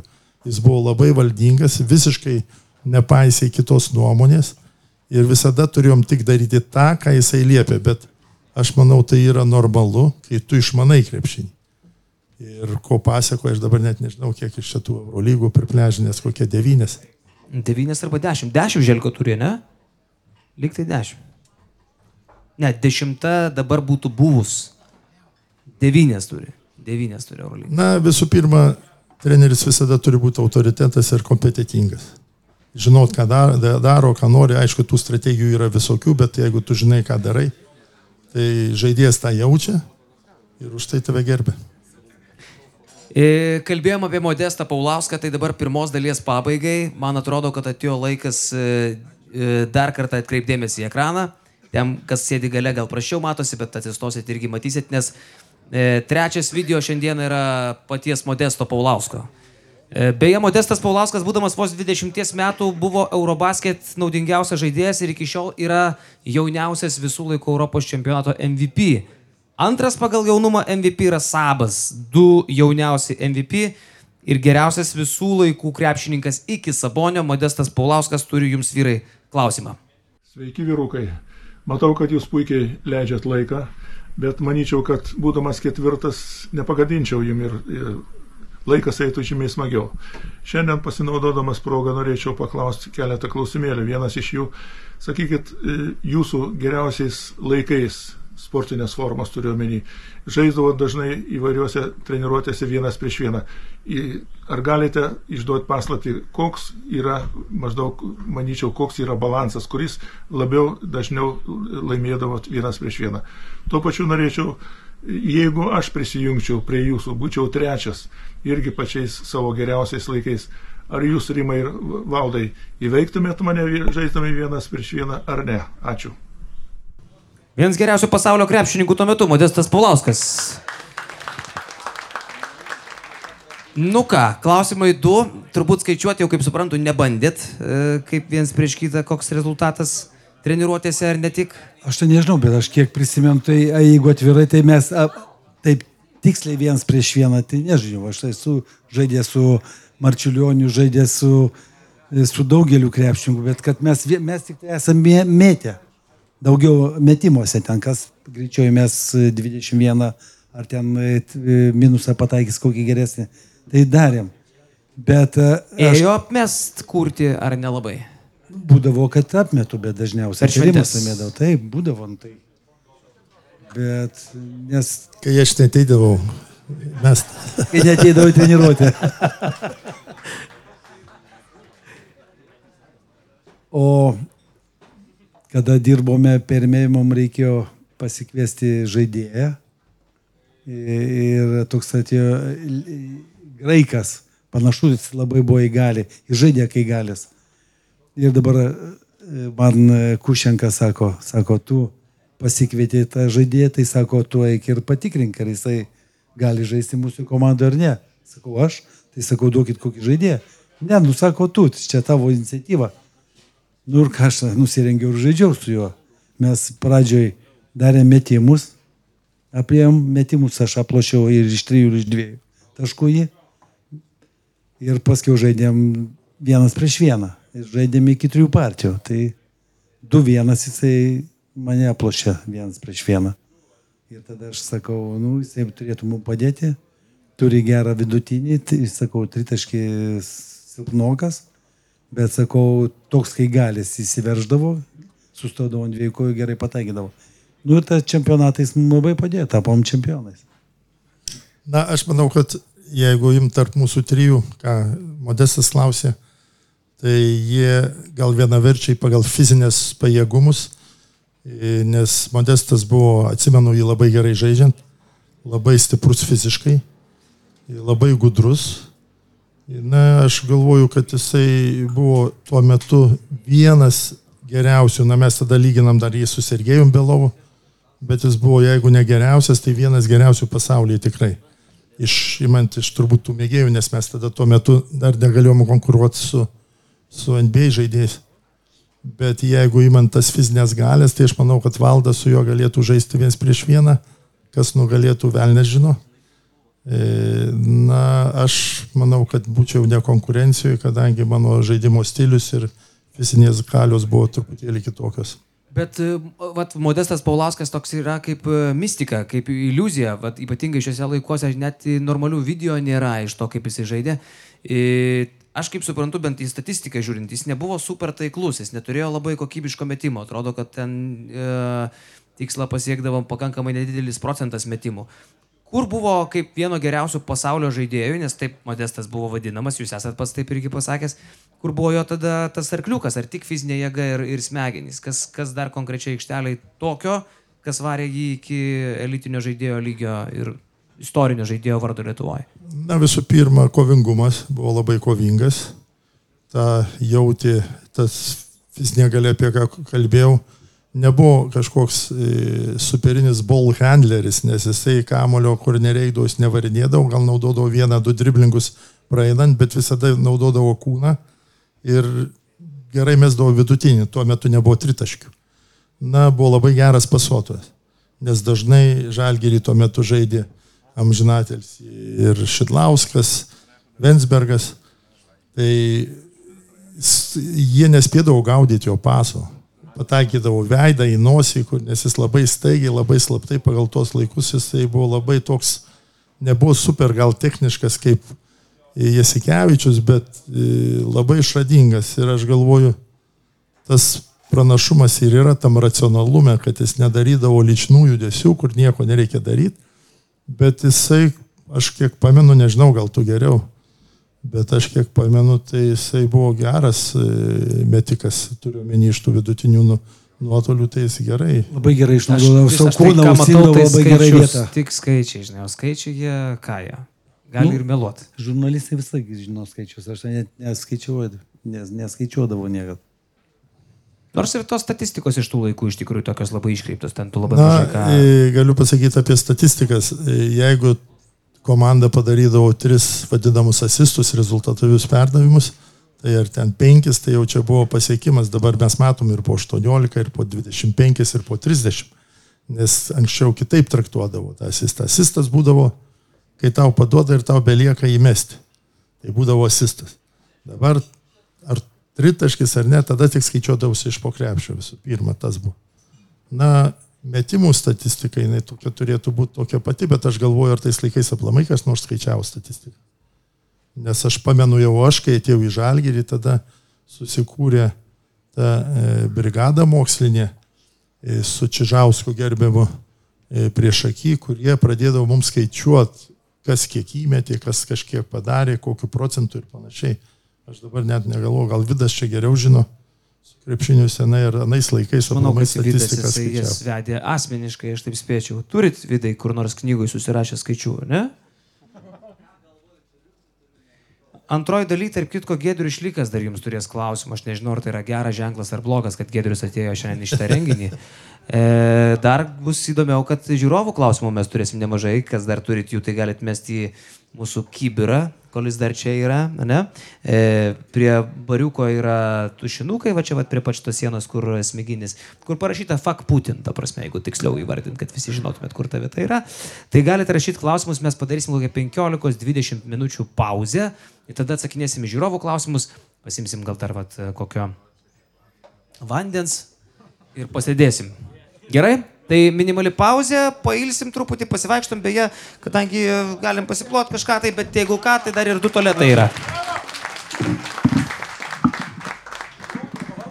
Tai žiūrit vasaros live su mūsų legendom. Labai gerai, šitą pokalbį su Kurčiu ir su Homičium mūsų BN Pliusai matė jau seniai. Beje, BN Pliusai jau gali pasižiūrėti ir mūsų vasaros live renginius su broliais Lavrinovičiais ir Gintaru Krapiku. Taip kad jeigu jūs nenorit laukti, nenorit gaišti ir gerą turinį pamatyti patys pirmieji, o ir šiaip kalną specialaus turinio matyti tik tai jūs, tapkite mūsų BN Pliusais ir prisijunkit prie didžiausios bendruomenės Lietuvoje. Sybet, lažybos, lošimo automatai, ruletė, Sybet. Nesaikingas lošimas gali sukelti priklausomybę.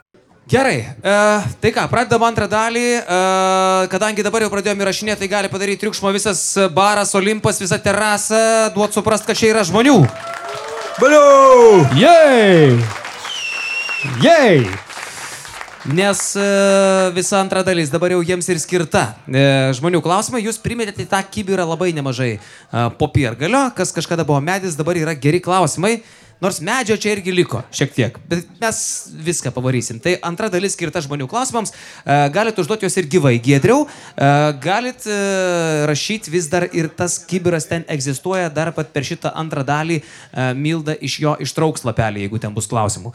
Tai absoliučiai viskas, ką žmonės nori sužinoti, pradedam. Valdemarai, žinau, kad buvo daug įspūdingų rungtynių, bet jei gali, įskirk pačias įspūdingiausias. Opa. Toks smūginis, ne? Galiu spėti. Gali. Aštuom antrų pasaulio čempas ir įsimintiniausios rungtynės finalas, kuriame nežaidėt. Dėl to, kad įgėlė vabalas. Tai tikrai jau labai įspūdingos. Gal man tai pažadėjo, kad nupjaus koją.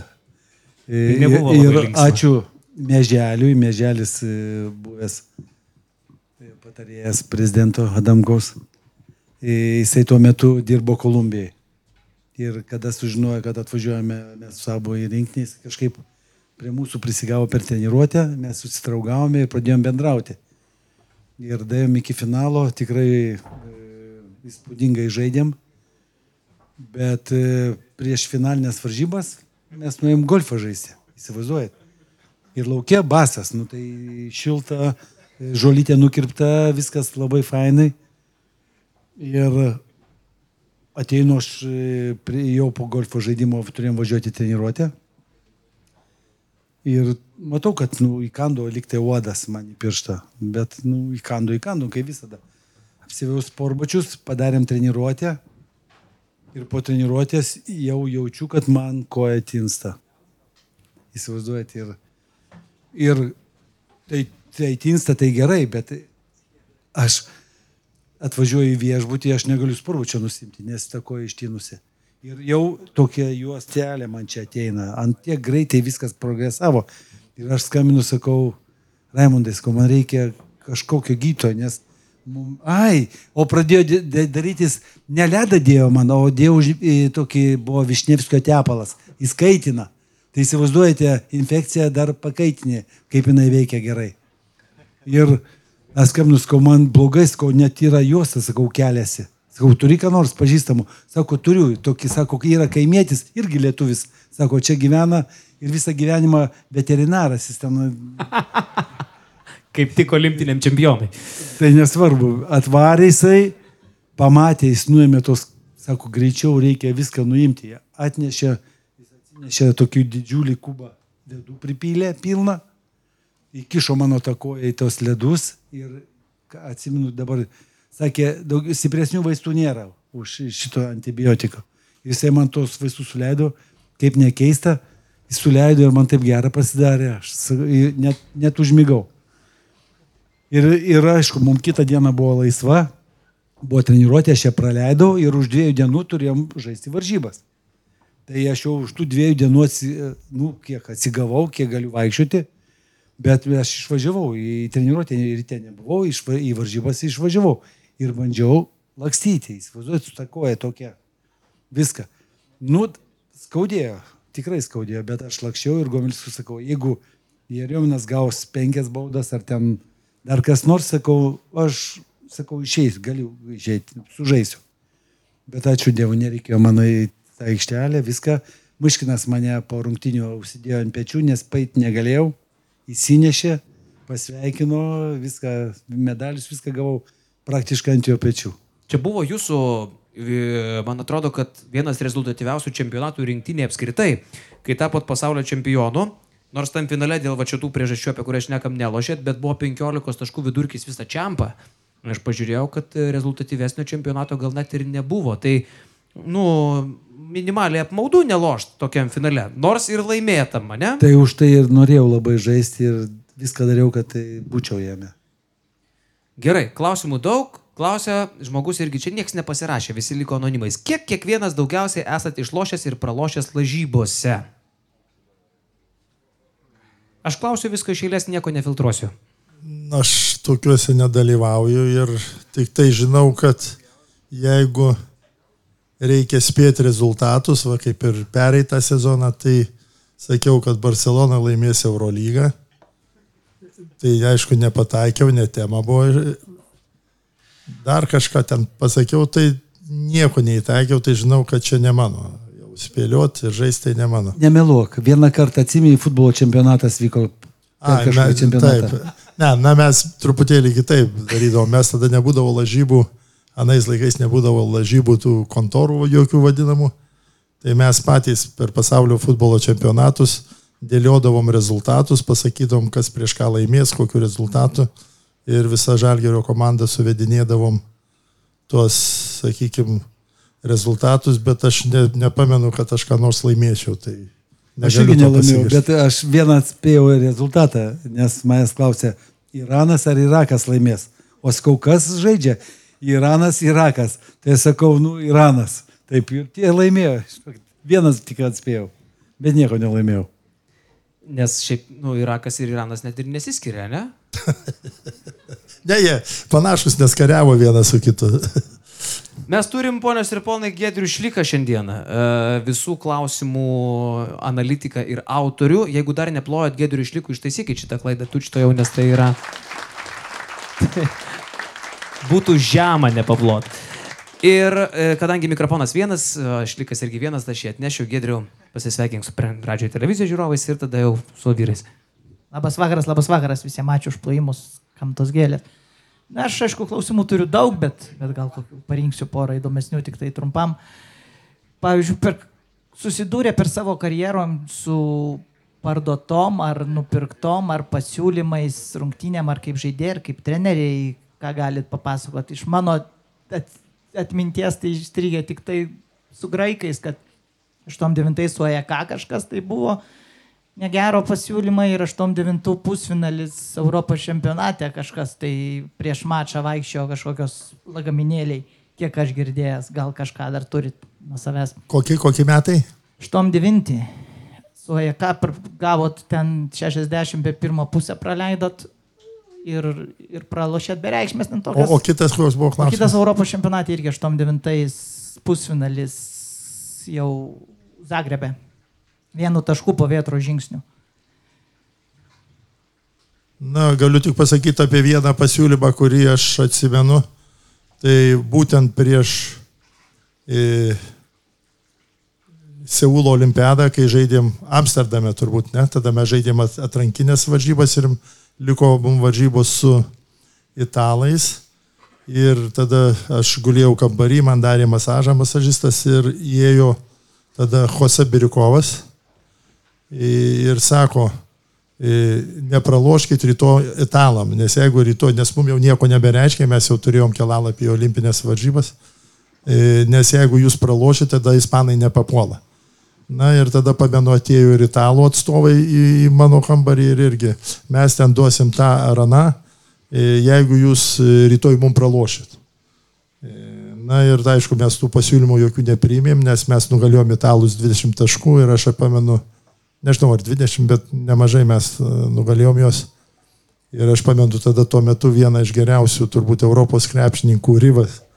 E, Jis mane dengė, aš jį dengiau ir likę buvo gal žaisti 3 minutės ir jie jau matė, kad nėra jokių šansų laimėti ir jisai žaidė tas 3 minutės paskutinės verkdamas, nes žinojo, kad nebepapuls į, į olimpinės žaidynės. Tai va tokie yra pasiūlymai, bet E, Teisingumo dėliai pasakysiu, kad e, mes pasirinkom paprastą variantą, kad niekas mūsų neįtarinėtų. Mes laimėjom tas rungtynės, nors jos buvo nesvarbios ir automatu ispanai papuolė į, į olimpiadą. O su graikais tai nereikia turėti jokių reikalų, nes jie žinot patys, kad daug ką žada, bet niekad nieko nepadaro. Ir Sakė, duos ir pinigų ir nedavė. niekad nieko nepralošėm. e, Ir aš neatsimenu, kad mes 60 taškų praloštume kažkokias tai varžybas pirmą kelnį. Ne, Giedriu, nebe- Praleidom, nebegirdėjom. bet nepralašinėjom. Man tai tik tai klausimas, Rimai, o kodėl pas jūs į kambarį, kai jūs masažavo, visi ten šniūrai sėjo tuo metu? Aš niekaip nes... Turbūt atrodau patikimas. Sako, eik kalbėk su Rimu, jeigu Rimas nuždeg žalės vietas. O ką italai siūlė? Kaip atrodo dėrybos? E, vis tiek daug metų praėjo, pavardėm nebešnekam, tai... Um, plius. Ne, e, galim šnekėti, kodėl aš visada šneku, kaip buvo. tai buvo. pavardėm. Nu tai ką Dina konkrečiai? Apie sumas mes nekalbėjom, paprasčiausia buvo kalba apie laimėti ar pralaimėti varžybas, nes italam reikėjo prieš mumi laimėti ir jie matė, kokio pajėgumo mes buvom. Ir jie jautė, kad jie e, mūsų neįveiks, tai bandė gal tokiu būdu su mumi kažką susitarti, bet apie kažkokias sumas nebuvo net kalbos, nes paprasčiausia apie, kad pralaimėti varžybas, tokių kalbų nebūna. Gerai, Gedriu dar jeigu turėsi... Palauk, palauk, biškai, dar aš turiu. žinot.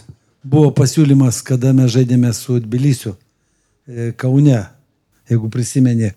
E, Paskutinė ataka lieka 3 sekundės. Gal tu prisimeni. Ir mane subaudoja. Aš atsistoju baudas, o mes davom vieną plus vieną. Ir jau pasiimu kamolį ir gruzinų aikštelėje sako 10 tūkstančių rublių, jeigu prameti. Ta, bauda. Kas sako, Mes žaidėjas? pralašėme. Žaid, nu, žaidėjų aikštelė. 10 tūkstančių. Hama, sako, reikia. Mes tau ten sumokėsime. Kam aš negirdėjau šito pasakojimo. Čia tiek daug dalykų spėja pasakyti, kol jūs ruošiatės baudomės. Taip. Dešimt štukų, Hamas. Jo, ir aš įmetu tą baudą. Parodau jiems. Ir jau dabar antrą metu, nes antrą, jeigu prameti, jau lygus rezultatas. Pratesimas. O jeigu aš įmetu, tai vieną sekundę ten praktiškai nėra ką veikti. Ir aš tą įmetu ir sakau, aš žinau, kad jūs niekad nieko nepadarysite. Ir sakau, nereikia manęs nervuoti, nes aš nieko negirdžiu. O prieš antrą baudą nekilo uh, pasiūlymas finansinis. Vieną pataikėt, logiška būtų kelti. Pakilo, pakilo, 20 tūkstančių buvo. Prieš antrą 20. Taip, taip. Logiška. Bet už tai taip mane padrasino, kad aš tą metimą teisingai įmešiau. Už 20 tūkstančių verta gal pramest, šiaip jau logiškai mąstant. Kiek supratau, tik įmetė vien dėl to, kad nepasitikėjai, kad net, ar duos ar ne. ne? Nežinau, tikrai. Jeigu, reiktų. jeigu Renata iš 6-0 milijonas būtų prinešus jums lagaminėlį su 20 tūkstančių prieš prametant baudą, Tai paskiau jau, žinai, kaip dabar tuose lažyvose, jeigu dalyvauju, tai jau tave diskvalifikuoja. Skamba legendos, irgi e, visi e, pas mus e, anonimai, kad Komkė savo laiku e, parizdavo mešką, ar tai tiesa, nesuprantu apie ką kalba, bet e, klausimas paprastesnis, kiek savo pikė Komkė stumdavo nuo grūdako. 135. Čia daug ar ne? Aš niekada nestumęs nuo grūdako. Paplokite, jeigu žinot, kas nors, kad čia daug yra. Žinau, kad pačiasas e, stumdavo 140, 145 galbūt. Ir visi, kas e, treniravosi pas Belovą, mes šešis metus kiekvieną dieną užsiminėjom štangą. Tai visi žaidėjai pasikeitė. Ir e, Pegušinas spaudė 140 ir e, kitas gynėjas 140 spaudė. Taip, kad tas 140 nebuvo riba. Sąžiningai sako abiems, kiek alaus geriausiais laikais, po kiek alaus geriausiai lyzdavo trajakai? Va toks va. Na, nežinau, kaip, ką čia įvardyti. O jūs e, e, bokalų skaičiuojate ar dienas, kai mes įgyvendiname? Jeigu 11 pakalų, tai savaitę laiko reikia. Lyzdavo ją, kol esi jaunas, viskas lenda. Dabar yra su- sudėtingiau. Kas viskas. Vokietijoje. Jeigu yra dviprasmybė, žinau, kad visada supras neteisingai. Bet e, aš taip įsivaizduočiau, kad paskui jau atėjo tas ramybės laikas, kur jau, sakot, kol jaunas varai, paskui kažkurio metu gal jau nebegali, ne? E, lošti po ten dviejų dienų pasisėdėjimo kažkurioje vietoje, aš pagal save taip įsivaizduoju, nes, nu, jaučiu, kad jei anksčiau iš karto gali daryti, ką nori, dabar tarsi jau turi truputį e, padaryti. Bet kur ta pauzes. riba? Tos ribos nėra. Mes Nesu, dabar jau nesutikčiau su tavim, nes Sabas taip elgdamasis tapo Eurolygos MVP, būdamas 41 metų. Tai aš tada daugiau klausimų nebeturiu šio klausimo. Kurtinaitį sako, e, čia žmogus primena skaudžiausią e, dalyką kauniečiams. Nors į tą dalyką, man atrodo, kad yra atsakyta visuose intervuose, kurie buvo. E, padarykim tai dar kartą. Laikas užkalti Kauno halės langus ir žalgirio istorijoje dėti tašką. Pakomentuokit, gal laikas viešai atsiprašyti. Viešai atsiprašau, bet esu komentavęs tą dalyką. Tai po mano pokalbio su Arvidu Saboniu iš vakaro, kadangi Sab- Sabonis turbūt žino, jis yra ir dabar turbūt yra garbės prezidentas Žalgirio. Ir sako, mes turim problemų, rimtų problemų. Jeigu negausim iki ryto rėmėjų, žaidėjai neįs žaisti, aš pamenu tada turbūt prieš finalas čia su, su Lietuvos rytu. Tada neįsai žais ir sakau, Arvidai, kas bus? Jis sakė, kas, kas bus? Užkalsim langus ir įsivaikščiosim. Tai buvo tas posakis toksai iš to paimta, bet jūs turbūt pastebėjote, jeigu mane ką nors sekat, kad aš dažnai mėgstu pajokauti, dažnai mėgstu dvi prasmybės. Na, kaip minėjau prieš tai, jeigu pasakysi, galima suprasti taip ar taip, taip visada paprastai supras ne taip. Iš tiesų nenorėjau nieko įžeisti, esu kaunietis, esu žalgyrėtis ir jeigu dar kartą negirdėjot mano atsiprašymo, gal čia bus toksai mano paskutinis, tikrai atsiprašau žalgerio ir visų žalgerio gerbėjų, jeigu mane neteisingai suprato.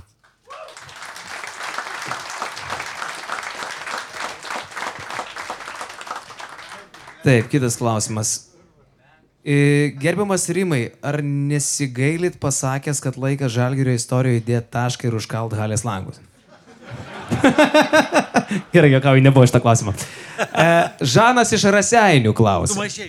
Jo, Žanas iš Raseinių, e, pasirašė Žanas Raseiniai.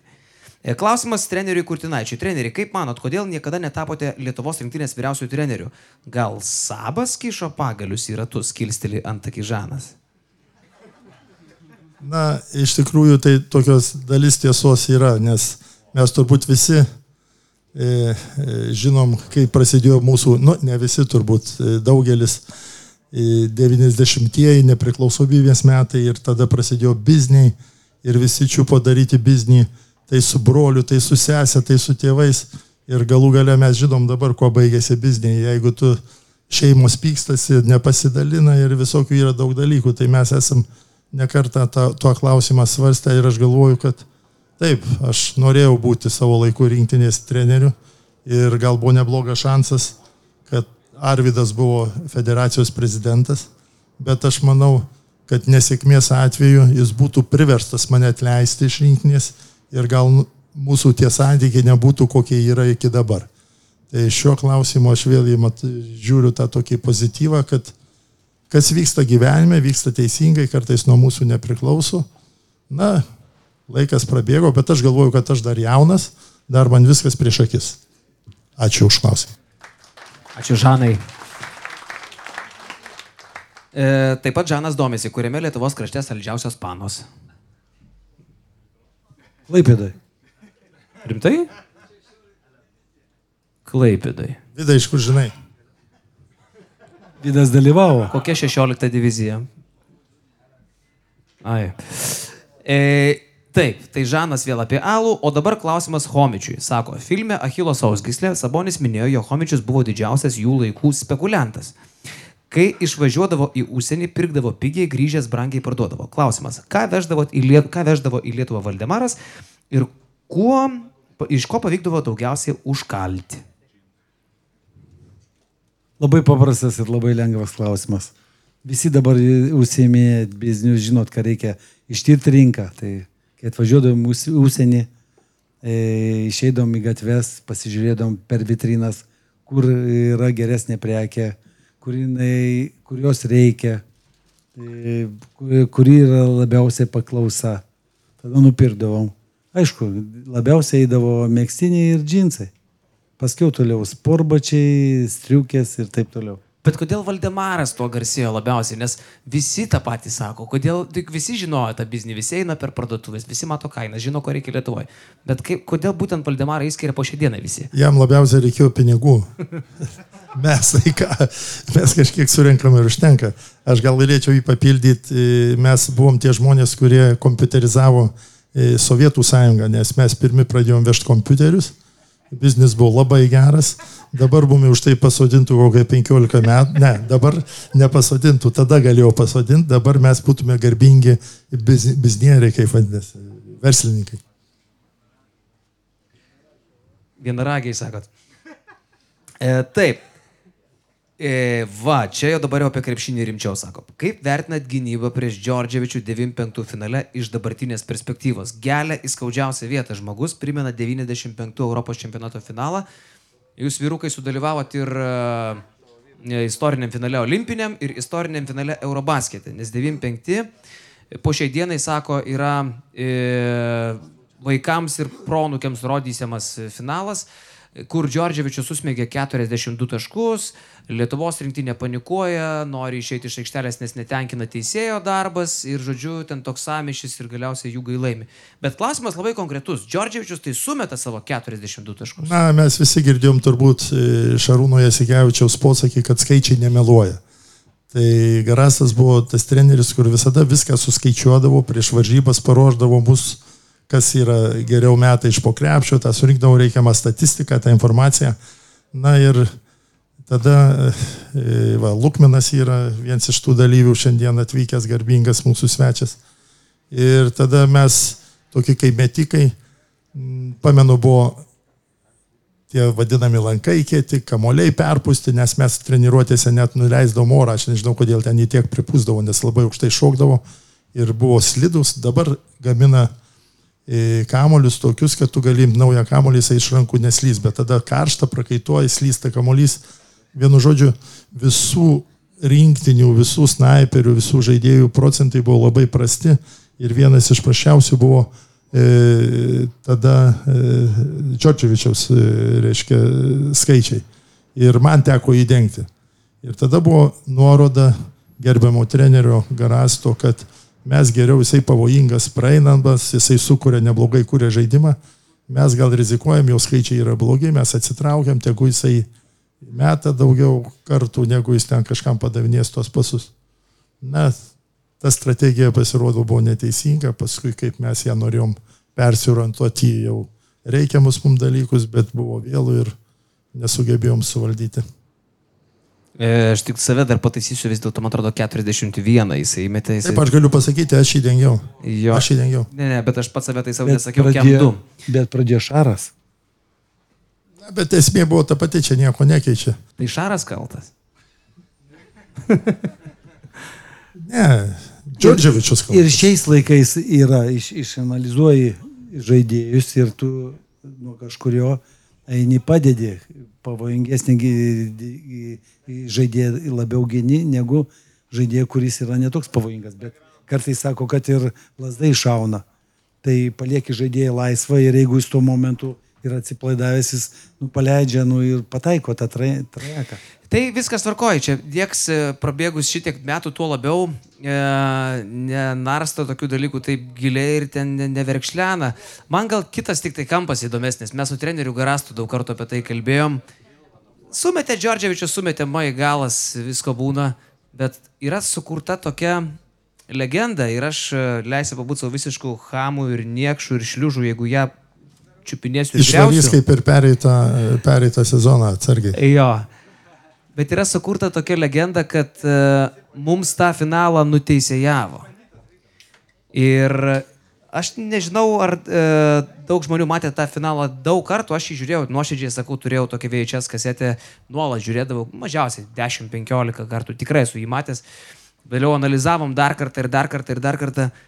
Ir aš matau Lietuvos rinktinę, kuri nori palikti areną dėl neva teisėjo klaidų, bet teisėjas jisai klysta į abi pusės visiškai vienodai. Kiek buvo klaidų, jų buvo, akivaizdžiai klysta visiškai vienodai.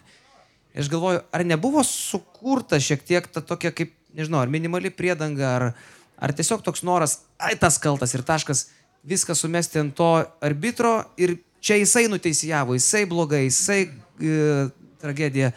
Nors jeigu taip šaltų protų žiūrėsi, taip nebuvo. Na, visą laiką sakiau ir dabar pasakysiu. E, Nereiktų suversti ant teisėjo ir mes buvom neteisūs, dabar galiu pasakyti. Tada sakiau, mes ten turėjom teisės taip elgtis, kad tokiu momentu gauti tris techninės baudas. Nes taip, ten buvo, Štombergas metė, nes tada buvo tos taisyklės tokios, jeigu tu spėjai išmesti, dabar net nežinau, spėjai išmesti kamolį ir tada užgriuvai ant žaidėjo, tada skaitosi ir tau polime bauda. Bet jeigu nespėjai išleisti ir užgriuvai, o paskiau išmetėjai, tada nesiskaito ir, ir tau polime bauda. Tai va, ši, šita taisyklė būna visų pirma, nieks nežiūri peržiūrų. E, Aš žiūriu iš teisėjų po- pozicijos. Viskas vyksta greitai. Priimti teisingą sprendimą kai kuriais momentais yra sudėtinga. Na, jis priimė tokį sprendimą, kuris buvo mums nepalankus. Bet tai tik buvo du taškai, kurių mes neįmetėm. Tai net nebuvo taškai. Mes paprasčiausiai jų nepeldėm. Jeigu mums jų neskauda ir po, ne, ne, neskaito ir, ir polime bauda. Bet kai mes pradėjome maištauti ir gavom tris techninės baudas, du mūsų lyderiai, neminėsiu pavardžių, ir viena komanda, kadangi mes nesikėlėm eiti žaisti. Ir ačiū Dievui Garastui, kad jisai tada mums pasakė, vyrai, mes jau turime Atlantos olimpiadą. Ir jeigu mes neišeisim žaisti dar, dabar nebaigsim finalo, kas čia žino, gal FIBA nuspręs ir mūsų aplamai mus diskvalifikuos ir mes nebe žaisim net olimpinėse žaidynėse. Ir mes tada grįžom į aikštę. Ir tada tas pats Džordževičius, taip, tas pats, tas Džordževičius, taip, taip pat tas Džordževičius atsistojo ir įmetė iš šešių šešias baudas tada. Iš šešių šešias ir mes pralaimėjom tas rungtynės šešiais taškais. Tai yra tokie skaičiai. Ir aš manau, kad mes buvom neteisūs, mes turėjom, mes buvom tokie patyrę. Mes turėjom iškentėti tą neteisybę, jeigu jinai buvo tokia. Ir davėsi rungtynės iki galo. Deja, ne visada tas pavyksta. Nes žiūrint tas rungtynės, e, jausmas toks, kad jūgai pasijautė kaip žuvis vandenį, provokaciniam lygiai, ten, kur įtampa yra virš visko. Jūgai visais laikais, jie, jie tą geriau išgyvena, jie geriau jaučiasi konfliktiniai situacijai, kariniai padėti, situacijai, kuri reikalauja iš tave šimtaprocentinio e, įtemptumo nervų atlaikymo ir taip toliau. Nes jie irgi galėjo draskytis dėl Dyvoco penktos baudos, kurios, ar ketvirtos dabar jau melodijos, kurios nebuvo e, ir taip toliau. Ir ten buvo keli tokie epizodai. Bet, e, nu, vat, panašu, kad mes toj vietoj susinervavom labiau. Ir aš, ir aš kažkaip pat daug metų girdėjau tą tokią, žinai, kad "Vat, nuteisėjavo, nuteisėjavo, mano tėvas man irgi visą gyvenimą nuteisėjavo, nuteisėjavo. Bet aš paskui ir tėvui sakau, tu matei tas rungtynės dar kartą, jau prabėgus daug metų. Niekas mums ten nieko nenuteisėjavo. Jie abi pusės vienodai nu, gerai, blogai jei- buvo švilpta. Jeigu iš kitos pusės žiūrėti, tai e, mes užsnervavom, mes galbūt neteisingai vertinom, teisingai visas tas te- teisėjo sprendimus. Bet, e, bet buvo dar 22 tūkstančiai žiūrovų. Ir visi skandavo, kad nu, neteisinga. Tai reiškia, nu, re, buvo kažkas tai, dėl ko mes negalėjom atlaikyti. Aišku, žiūrovai pagauna elektrą nuo parketo, nes Nu jau. parketas turi elektrą, ne? Sabas daužo kažę, kliksmas, riksmas šokinėja ir taip toliau, musikuoja. Tai gerai, jeigu čia išeinam būtų- Iš aikštelės, žinai, žiūrovai pasigauna tą visą irgi, žinai. Jeigu būtų Lietuvoje, tai aš suprantu. Savi ir gali. Ten buvo unikalu, kaip graikai O ten palaikė buvo Lietuvą. 22 tūkstančiai nu, graikų, aišku, buvo ir iš e, kitų šalių žmonių. Bet visa salė skandavo Lietuvą. Taip, tai buvo, galėčiau, iš tų prisiminimų, tai buvo tokia viena iš didžiausių tokia šlovių, gal net tam pralaimėjime, kadangi 20 tūkstančių, nežinau, ką valdas sako, 22, rėkė Lietuva, Lietuva, graikai rėkė, tai čia buvo pasiekimas. E, Gerai, apie 95 smagu pasikalbėti įdomu. E, O dabar klausia, kokią rungtį sportavot lengvojo atletikui ponia Homičiau ir ar patiko? Dešimtkovė. Labai patiko. Ačiū. E, kodėl 95-ais, klausia Kurtinaičio, grįžot iš Realo į Žalgirį, kur žaidėt už maistą? Manau, turėjot geresnių pasiūlymų. smalsauja žmogus. Na, aš kaip ir tų daugelis gražių panelių laukia savo princo ant balto arklio, tai aš laukiau, kada man pasiūlys, nes tuo metu man siūlė Benetonas ir Panatinaikosas. Ir aš tada ne, nepasirinkau vienos iš tokių komandų ir likau kaip ir be, be kontrakto ir tada man teko grįžti į Šalgerį, bet aš pasirašiau kontraktą su Australais ir po naujų metų išvažiavau į Australiją. E, Na, aišku, kadangi žinojau, kad pasirašysiu su Australais, tai e, Žalgerio man kažkaip ir ranka nekilo, kad aš ten imti pinigų žaidžiau, vien todėl, kad žalgerėtis. Čia dar vienas jums atsakymas į tą užkaltus langus. Bam! Šekit. Ten labai įdomios dėrybos su Šaptajum buvo, ne? Šaptajus e, sakė, kada galėsim pakalbėti apie kontraktą, sako Rimas Kurtinaitis lygtai, nu, kažkada susėsim ir tada Šaptajus sako, tai sėdam čia ir pasikalbam, ne? Ten kažkaip viskas labai greitai vyko. Taip, nes buvom sporto salėje ir jis taip apsidairė ir s- s- e, soliukas buvo, jisai, tai sėdam ir mes sėdom iš karto, kiek tiek, tinka, tinka, duok ranką, paspaudėm, įsiskirstėm ir jau grįžau po, kas ten buvom, Europos čempionatas po ko, kad jau grįžau į Žalgirį. Rimai, e, tai kaip ten su tuo selu buvo, klausė šie žmogus. Nieko nebuvo. Buvo, buvo kaip buvo. Na, mes žinom visi, kad Selas yra labai garbingas žmogus. Ir netgi pasakyčiau, jeigu ne, neišgėręs, tai e, yra ir labai protingas. Tikrai, sakau šį kartą ne, nejokaudamas, yra protingas žmogus. Aišku, ten niekam ten turbūt per daug to linksmybės nepriduoda, kažkiek ten tų proto ar kiek būna visokių dalykų. Na, jis atėjo į svečius truputėlį, mes ten kažko nesutarėm ir aš išprašiau iš svečių. Tiek ir buvo. Viskas paprasta. Rokeliuose.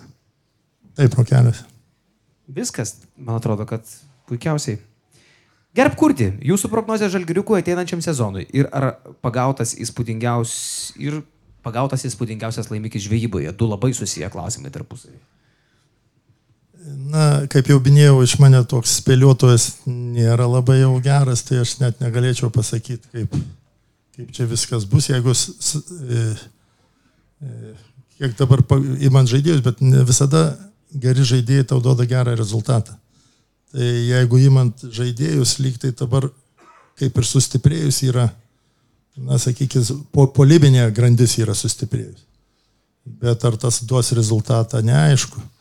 Kita vertus, e, ne visada sekasi 2-3 sezonus iš- eilės būti e, lyderių grupė, nes šis sezonas buvo tikrai įspūdingas Žalgiriui ir jisai ne tik namuose, bet ir išvykoj visiems varė siaubą ir varė siaubą iki pat galo, netgi žaisdamas playoffuose, nežiūrint į tai, kad pralaimėjo.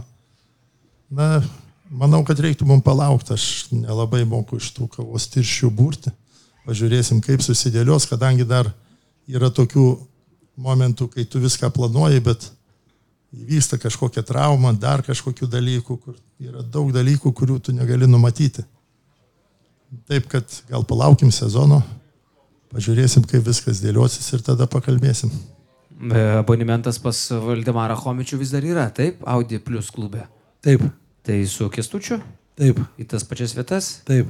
Man atrodo, kad esat pasakęs, kad dabar aš jau nebeanalizuoju nieko, aš tiesiog fanas. Teisingai, ir Rimas analizuoja, tai aš sakau, aš pasidariau Žalgerio fanas ir aš noriu, kad jie laimėtų kiekvienas varžybas.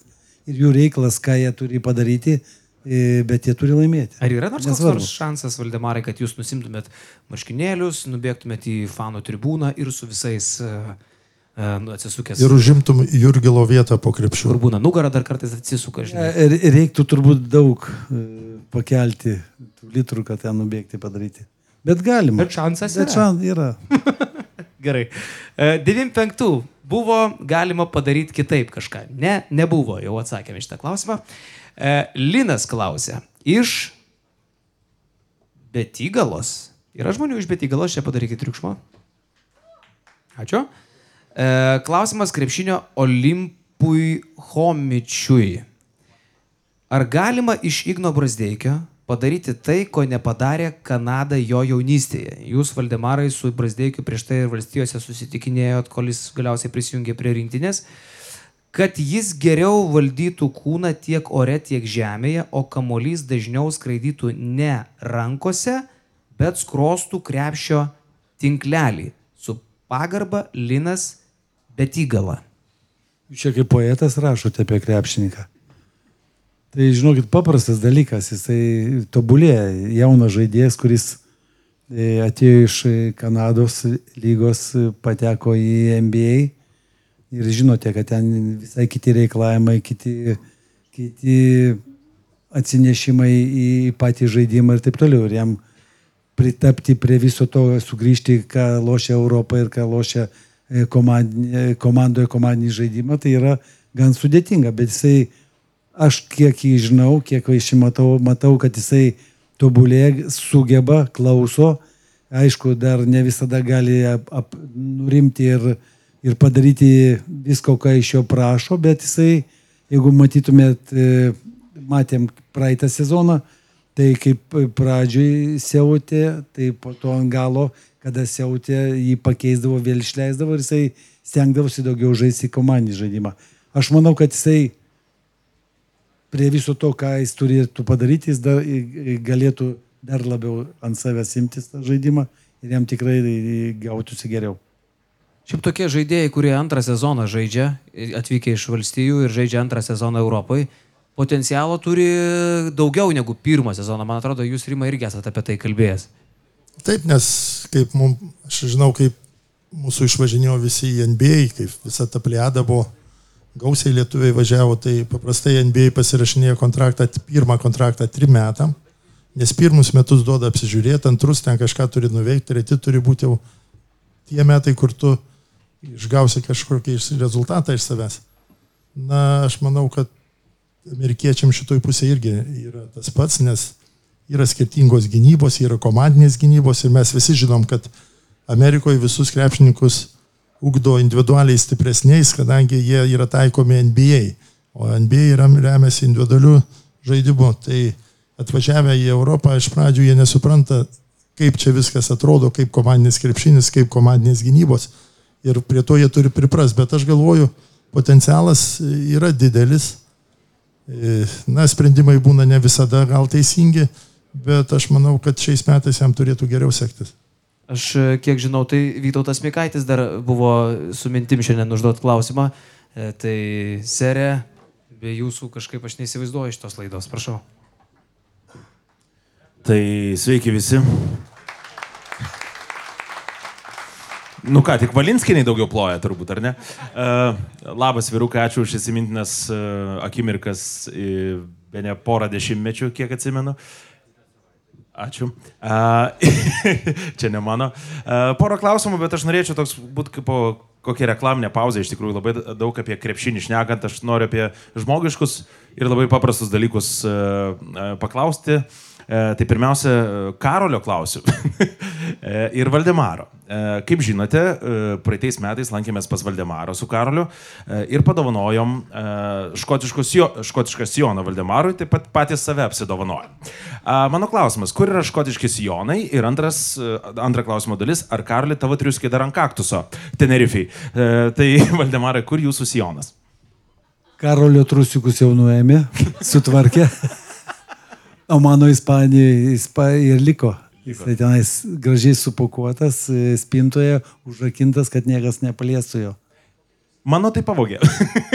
mano tai pavogė iš sieros, tiesą sakant.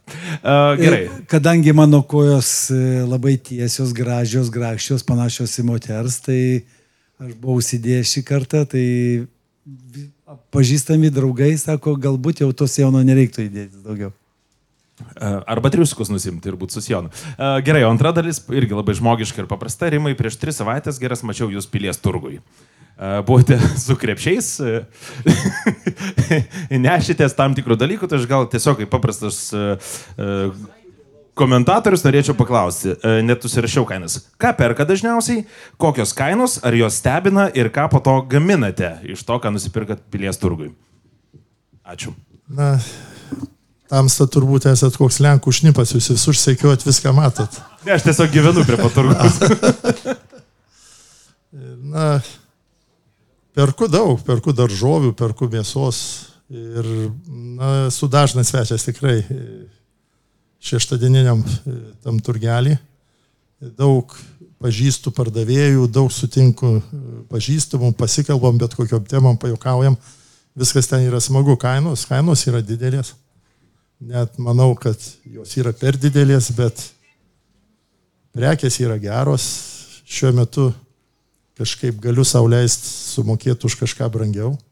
Kai bus ateityje, nežinau, gal reiks eiti į Lidlą, ne, net ne, ne, nežinau. Bet šiuo metu turiu už ką nueiti į turgelį. Nesakym, čia tau nelydau. E, ne, viskas ten gerai, žmonės, aš gerbiu jų darbą. E, jie yra ūkininkai, daugelis iš jų yra ūkininkai.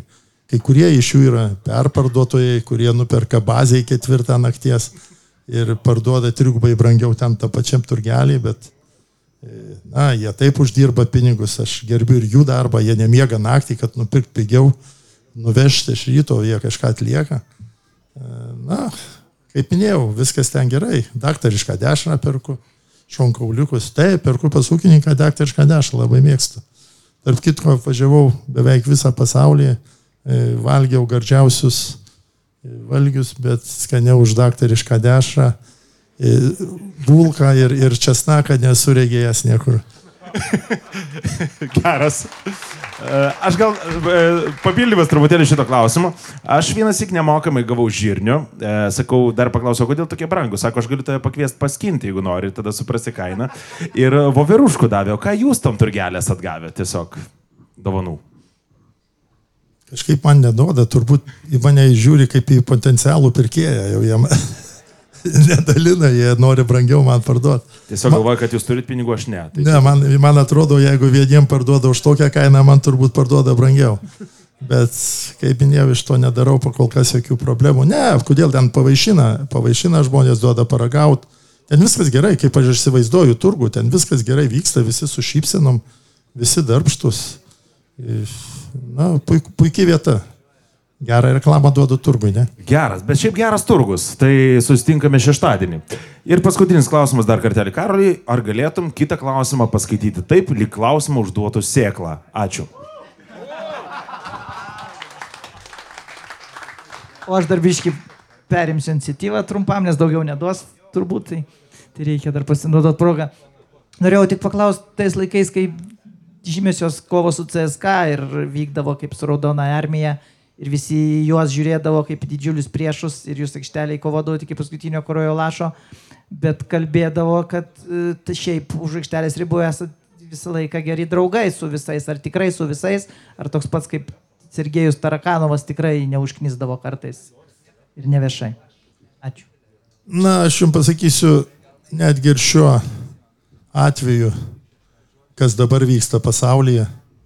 E, Sergejus nėra to pasakęs, ką yra čia parašę kai kuris spauda. Ta galiu garantuoti, nes esu su juo susitikęs ir ne per seniausia.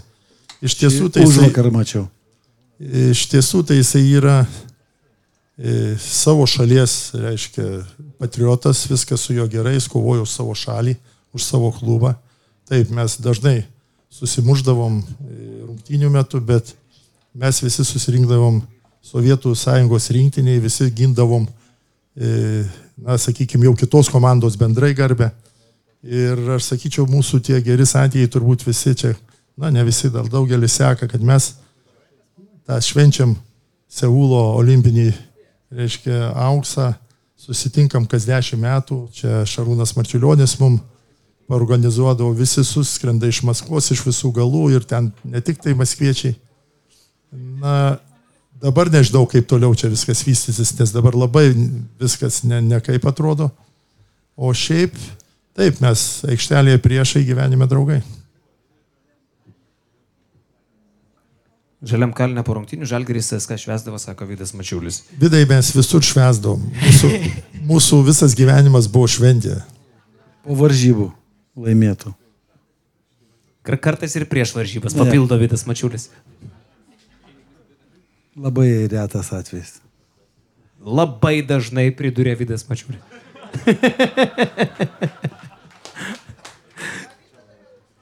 Už ką Vida norėjot pasmauk, turi klausimą Gedrius Šlikas. Per daug vis. Per Tu daug nori žinoti. sakysim, klausimas, už ką vida norėjot pasmaukti iš esmės. Ką tokį? Ta prasme, vida mačiulį, už ką norėjot pasmaukti. Treneri.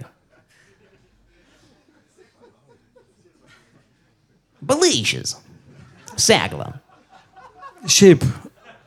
Šiaip dėl nieko. Žmogus dažnai da- dalyvauja, kartais galbūt būna nereikalinga. Kažkurioje vietoje pratrūkot.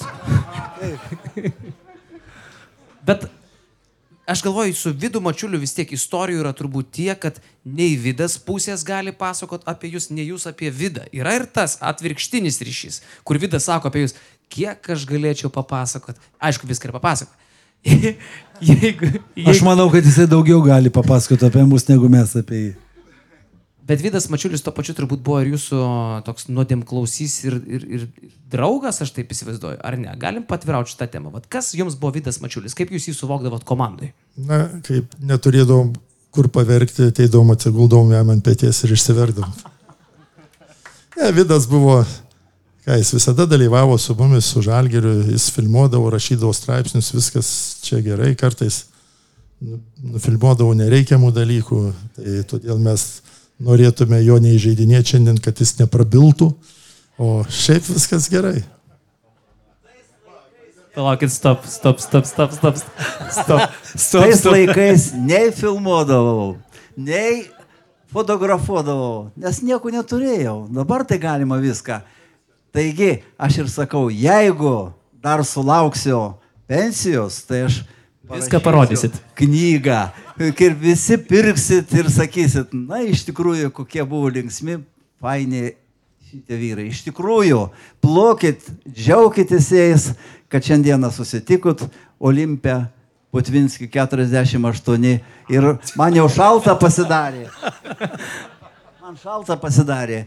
Prieš e, devynetą metų atėjo Sabonis čia e, ir video filmas atėjo Sabas. Tau įteikiu. Ačiū Vidai. Abiem Valdui ir Rimui, kad jie atėjo, kad šitiek žmonių, paskaičiavau 120, nei vienas neišėjo, tai retai tai būna. Jeigu būtų telekrane, tai būtų senai išjungę. Ką reiškia gyvas pokalbis, geras vedėjas ir du olimpiniai čempionai. Ir Vidas Mačiulis. Ačiū labai iš dovanas, už prieimimą, Vidai. Sabas atėjo, atėjo Sabas. Here comes Sabas. Iliego Sabas. Prišol Sabas. Keli variantai parašyti. Ir ispaniškai, taip, taip, jo, sakiau, Ilego Sabas. Baigiamieji klausimai. Labai įdomu, aš galvoju, niekas... Nieko jėgo. Jėgo, jo. E, aš galvoju, niekas nepaklaus, bet yra kas ir paklausė. Valdemarai, kai buvote su Donatu Urbanu Junktinėse Amerikos valstijose aplankyti Matą Buzelį, mums pasakė, sunku pasakyti, kas jiems pasakė, kad jūsų susitikimas truko penkias minutės. Ai, gal, palauk, gal esu girdėjęs šitą. Ir tai buvo visas bendravimas su Matu. Tai čia turbūt į šitą klausimą daug sueina Valdemarai, nes aš girdėjau ir tokių nuogastavimų, kad jeigu buzelį tik tai tiek trumpai mes ten paklybinom, tai ar neatsitiks, kaip atsitiko su bankero iš Italijos rinktinės, kuris galiausiai net su Poceko nebesinorėjo matyti, nors žadėjo, kad žais Italijos rinktinė dabar atstovaus Junktinėms Amerikos valstijoms ir tiek italai jį te matė. Ar mes galim būti ramus, kad buzelis tikrai žais rinktinė ir apie tą susitikimą su juo, ką jūs ten tikrai išgirdot iš jo? Kiek tai garantija? Nu, gyvenime, kiek esat e, ko prisižadėję ir kiek esat kartu tai padarę. Tai tu gali pasakyti pagal aplinkybės, kad tau reikia, kad atstotų ir gali būti, gali būti ir kitaip, kad tu pasižadėsi ir darysi. Su Buzeliu mes bendravom ne penkias minutės, bendravome prieš varžybas, e, pakalbėjome, stebėjom varžybas, e, po varžybų dar kalbėjomės ir dar bendrai paskiau, kada e, įteikinėjau jam Lietuvos rinktinės maikutę, dar su juo kalbėjomės. Ir tas interviu pakankamai laiko pagal tas taisyklės, kokias jie turi, kad iš viso negali bendrauti aplamai su, su jokiais e, e, paš, pašaliečiais į šono. Pas juos yra tokios taisyklės. Tai aš pradžioje dar nuėjau ir pas trenerį, mes pakalbėjom, kad norim e, pakalbėti su buzeliu, norim jam įteikti dovanų ir taip toliau. Ir viskas ten buvo teisingai. Ir nebuvo tai, kad dvi minutės pamatėm, pasakėm ir viso gero. Čia su, su buzeliu ramu Bet- ar neramu, kaip jums pačiam? Žais jisai rinktiniai šimtas procentų ar ne? Nu, nes tokių va dabar pasvarstymų, žinai. Tai man atrodo, dar ja- jam reikia pirmoje eilėje į čionais ir pasi, pasirodyti, pa, turim pamatyti, pajausti tą, ką aš mačiau tenais. Tai yra vienas dalykas, ką mes žinome, ką jis daro. Kitas dalykas ir trečias bus dalykas, kada jisai atvažiuos šią rinktinę ir kada jisai pabus stovykloje, kada e, pa, pabendraus su būsimais e, bendraklubis, bendrakomandiniais žaidėjais ir taip toliau. Tai, tai žinokit, manau, kad atvyks, nes e, tiek supratau iš tėčio, tiek supratau iš jo pasižadėjimų, kad nori, bet tai, žinot, tie jų planai, kurie vyksta dabar, jie, yra pirmoji. Nes čia turbūt didžiausias e, nuogastavimas yra, jeigu jis gerai žais, jeigu jis iš tikrųjų bus tokio lygio, kad sudomintų, pavyzdžiui, Amerikos rinktinę ir realiai Amerika konkuruotų su Lietuva, Lietuva su Amerika, ar tada tai neverstų jo e, sprendimo? Va čia įdomu, ką jūs iš jo išgirdot. Ar jis tokį užtikrintumą... Kiek supratau iš jo, tai kad jisai atsisakė žaisti už Amerikos rinktinę. dabar. Už jaunimo, ne? E, Buvo toks variantas. Nu ir visai pabaigai, sako Rimui Kuritnačiui, ar e, dar išbėgsit prie šoninės linijos apie treniravimą klausė. Tai gal turbūt ir abiems šitas klausimas yra, nes dabar abu čilinat, linksmai leidžiat laiką, vienas Rokeliuose, kitas Tenerifei, arba Malagoj, arba Kaune. E, e, tai apie treniravimą, kokios mintis artimiausio ateityje, kitą sezoną. Na, jeigu kas, esu sakęs, jei kas bus įdomaus, kas gali sudomyti, tai kodėlgi ne. Dar aš kaip ir būčiau linkęs išbėgti. Bet šiuo metu nieko neturiu tokių pasiūlymų, kurie būtų įdomus. O bet ko imtis nelabai noriu. Gali dar tekti išbėgti prie teismo, kaip suprantu, ne? E, Su Alitaus Vulfs, Vilnius Vulfs. Na, gali visko būti. Gyvenime visko būna. Jau kaip bus, tai bus, bus matyti. Nenoriu liesti tos temos, kas praeitį. Bet jeigu lieka praeitį, reikia gal gyventi šią dieną, nes ateitis gali neišaušti, tai praeities tu nepakeisi, o kaip bus, bus matyti. Čia jūsų yra frazė, kad jeigu atsikėlė ryte ir pamatėjai lubas, tai tu esi vienas laimingiausių žmonių pasaulyje. Čia aš klausiau tokio filosofo, aš nežinau jo vardo, bet jis yra indų. E, Na, iš tos grupės turbūt, kai Robin Sharma ten ar panašiai, iš tos grupės filosofų, psichologų, kuris yra, aš nežinau, koks šimtametis ir mačiau tokį video, kai jo paklausė, kas yra laimė. Ir jisai atsakė į tą klausimą, sako, na, Žemėje gyvena e, 7 milijardai žmonių, daleiskim, prieš kokią turbūt du mėnesius 7 tapo, ne? Ir reiškia, į kiek- kiekvieną parą pasaulyje numiršta 20 milijonų žmonių. Nežinau, kiek gimsta, bet numiršta 20 milijonų. Ir jeigu turite prabudai ir pamatėjai lubas, džiaugis, tu esi laimingas žmogus. Tai yra jo frazė ir aš taip esu pasakęs ir aš manau, kad tai yra tiesa. Tai Aš sulaukiau, aišku, tai nėra gal ta tiesa e, žmonėm, kurie yra jauni, kuriem reikia gyvenime kažko siekti, jiem viskas prieš akis, bet aš nugyvenau tokį jau skaitau netrumpą gyvenimą. Ir man šiuo metu vat, šitas, šita frazė ir šitie pasakymai, kad netidėk nieko rytoj, nes rytojus gali neišaušti, man yra aktualūs.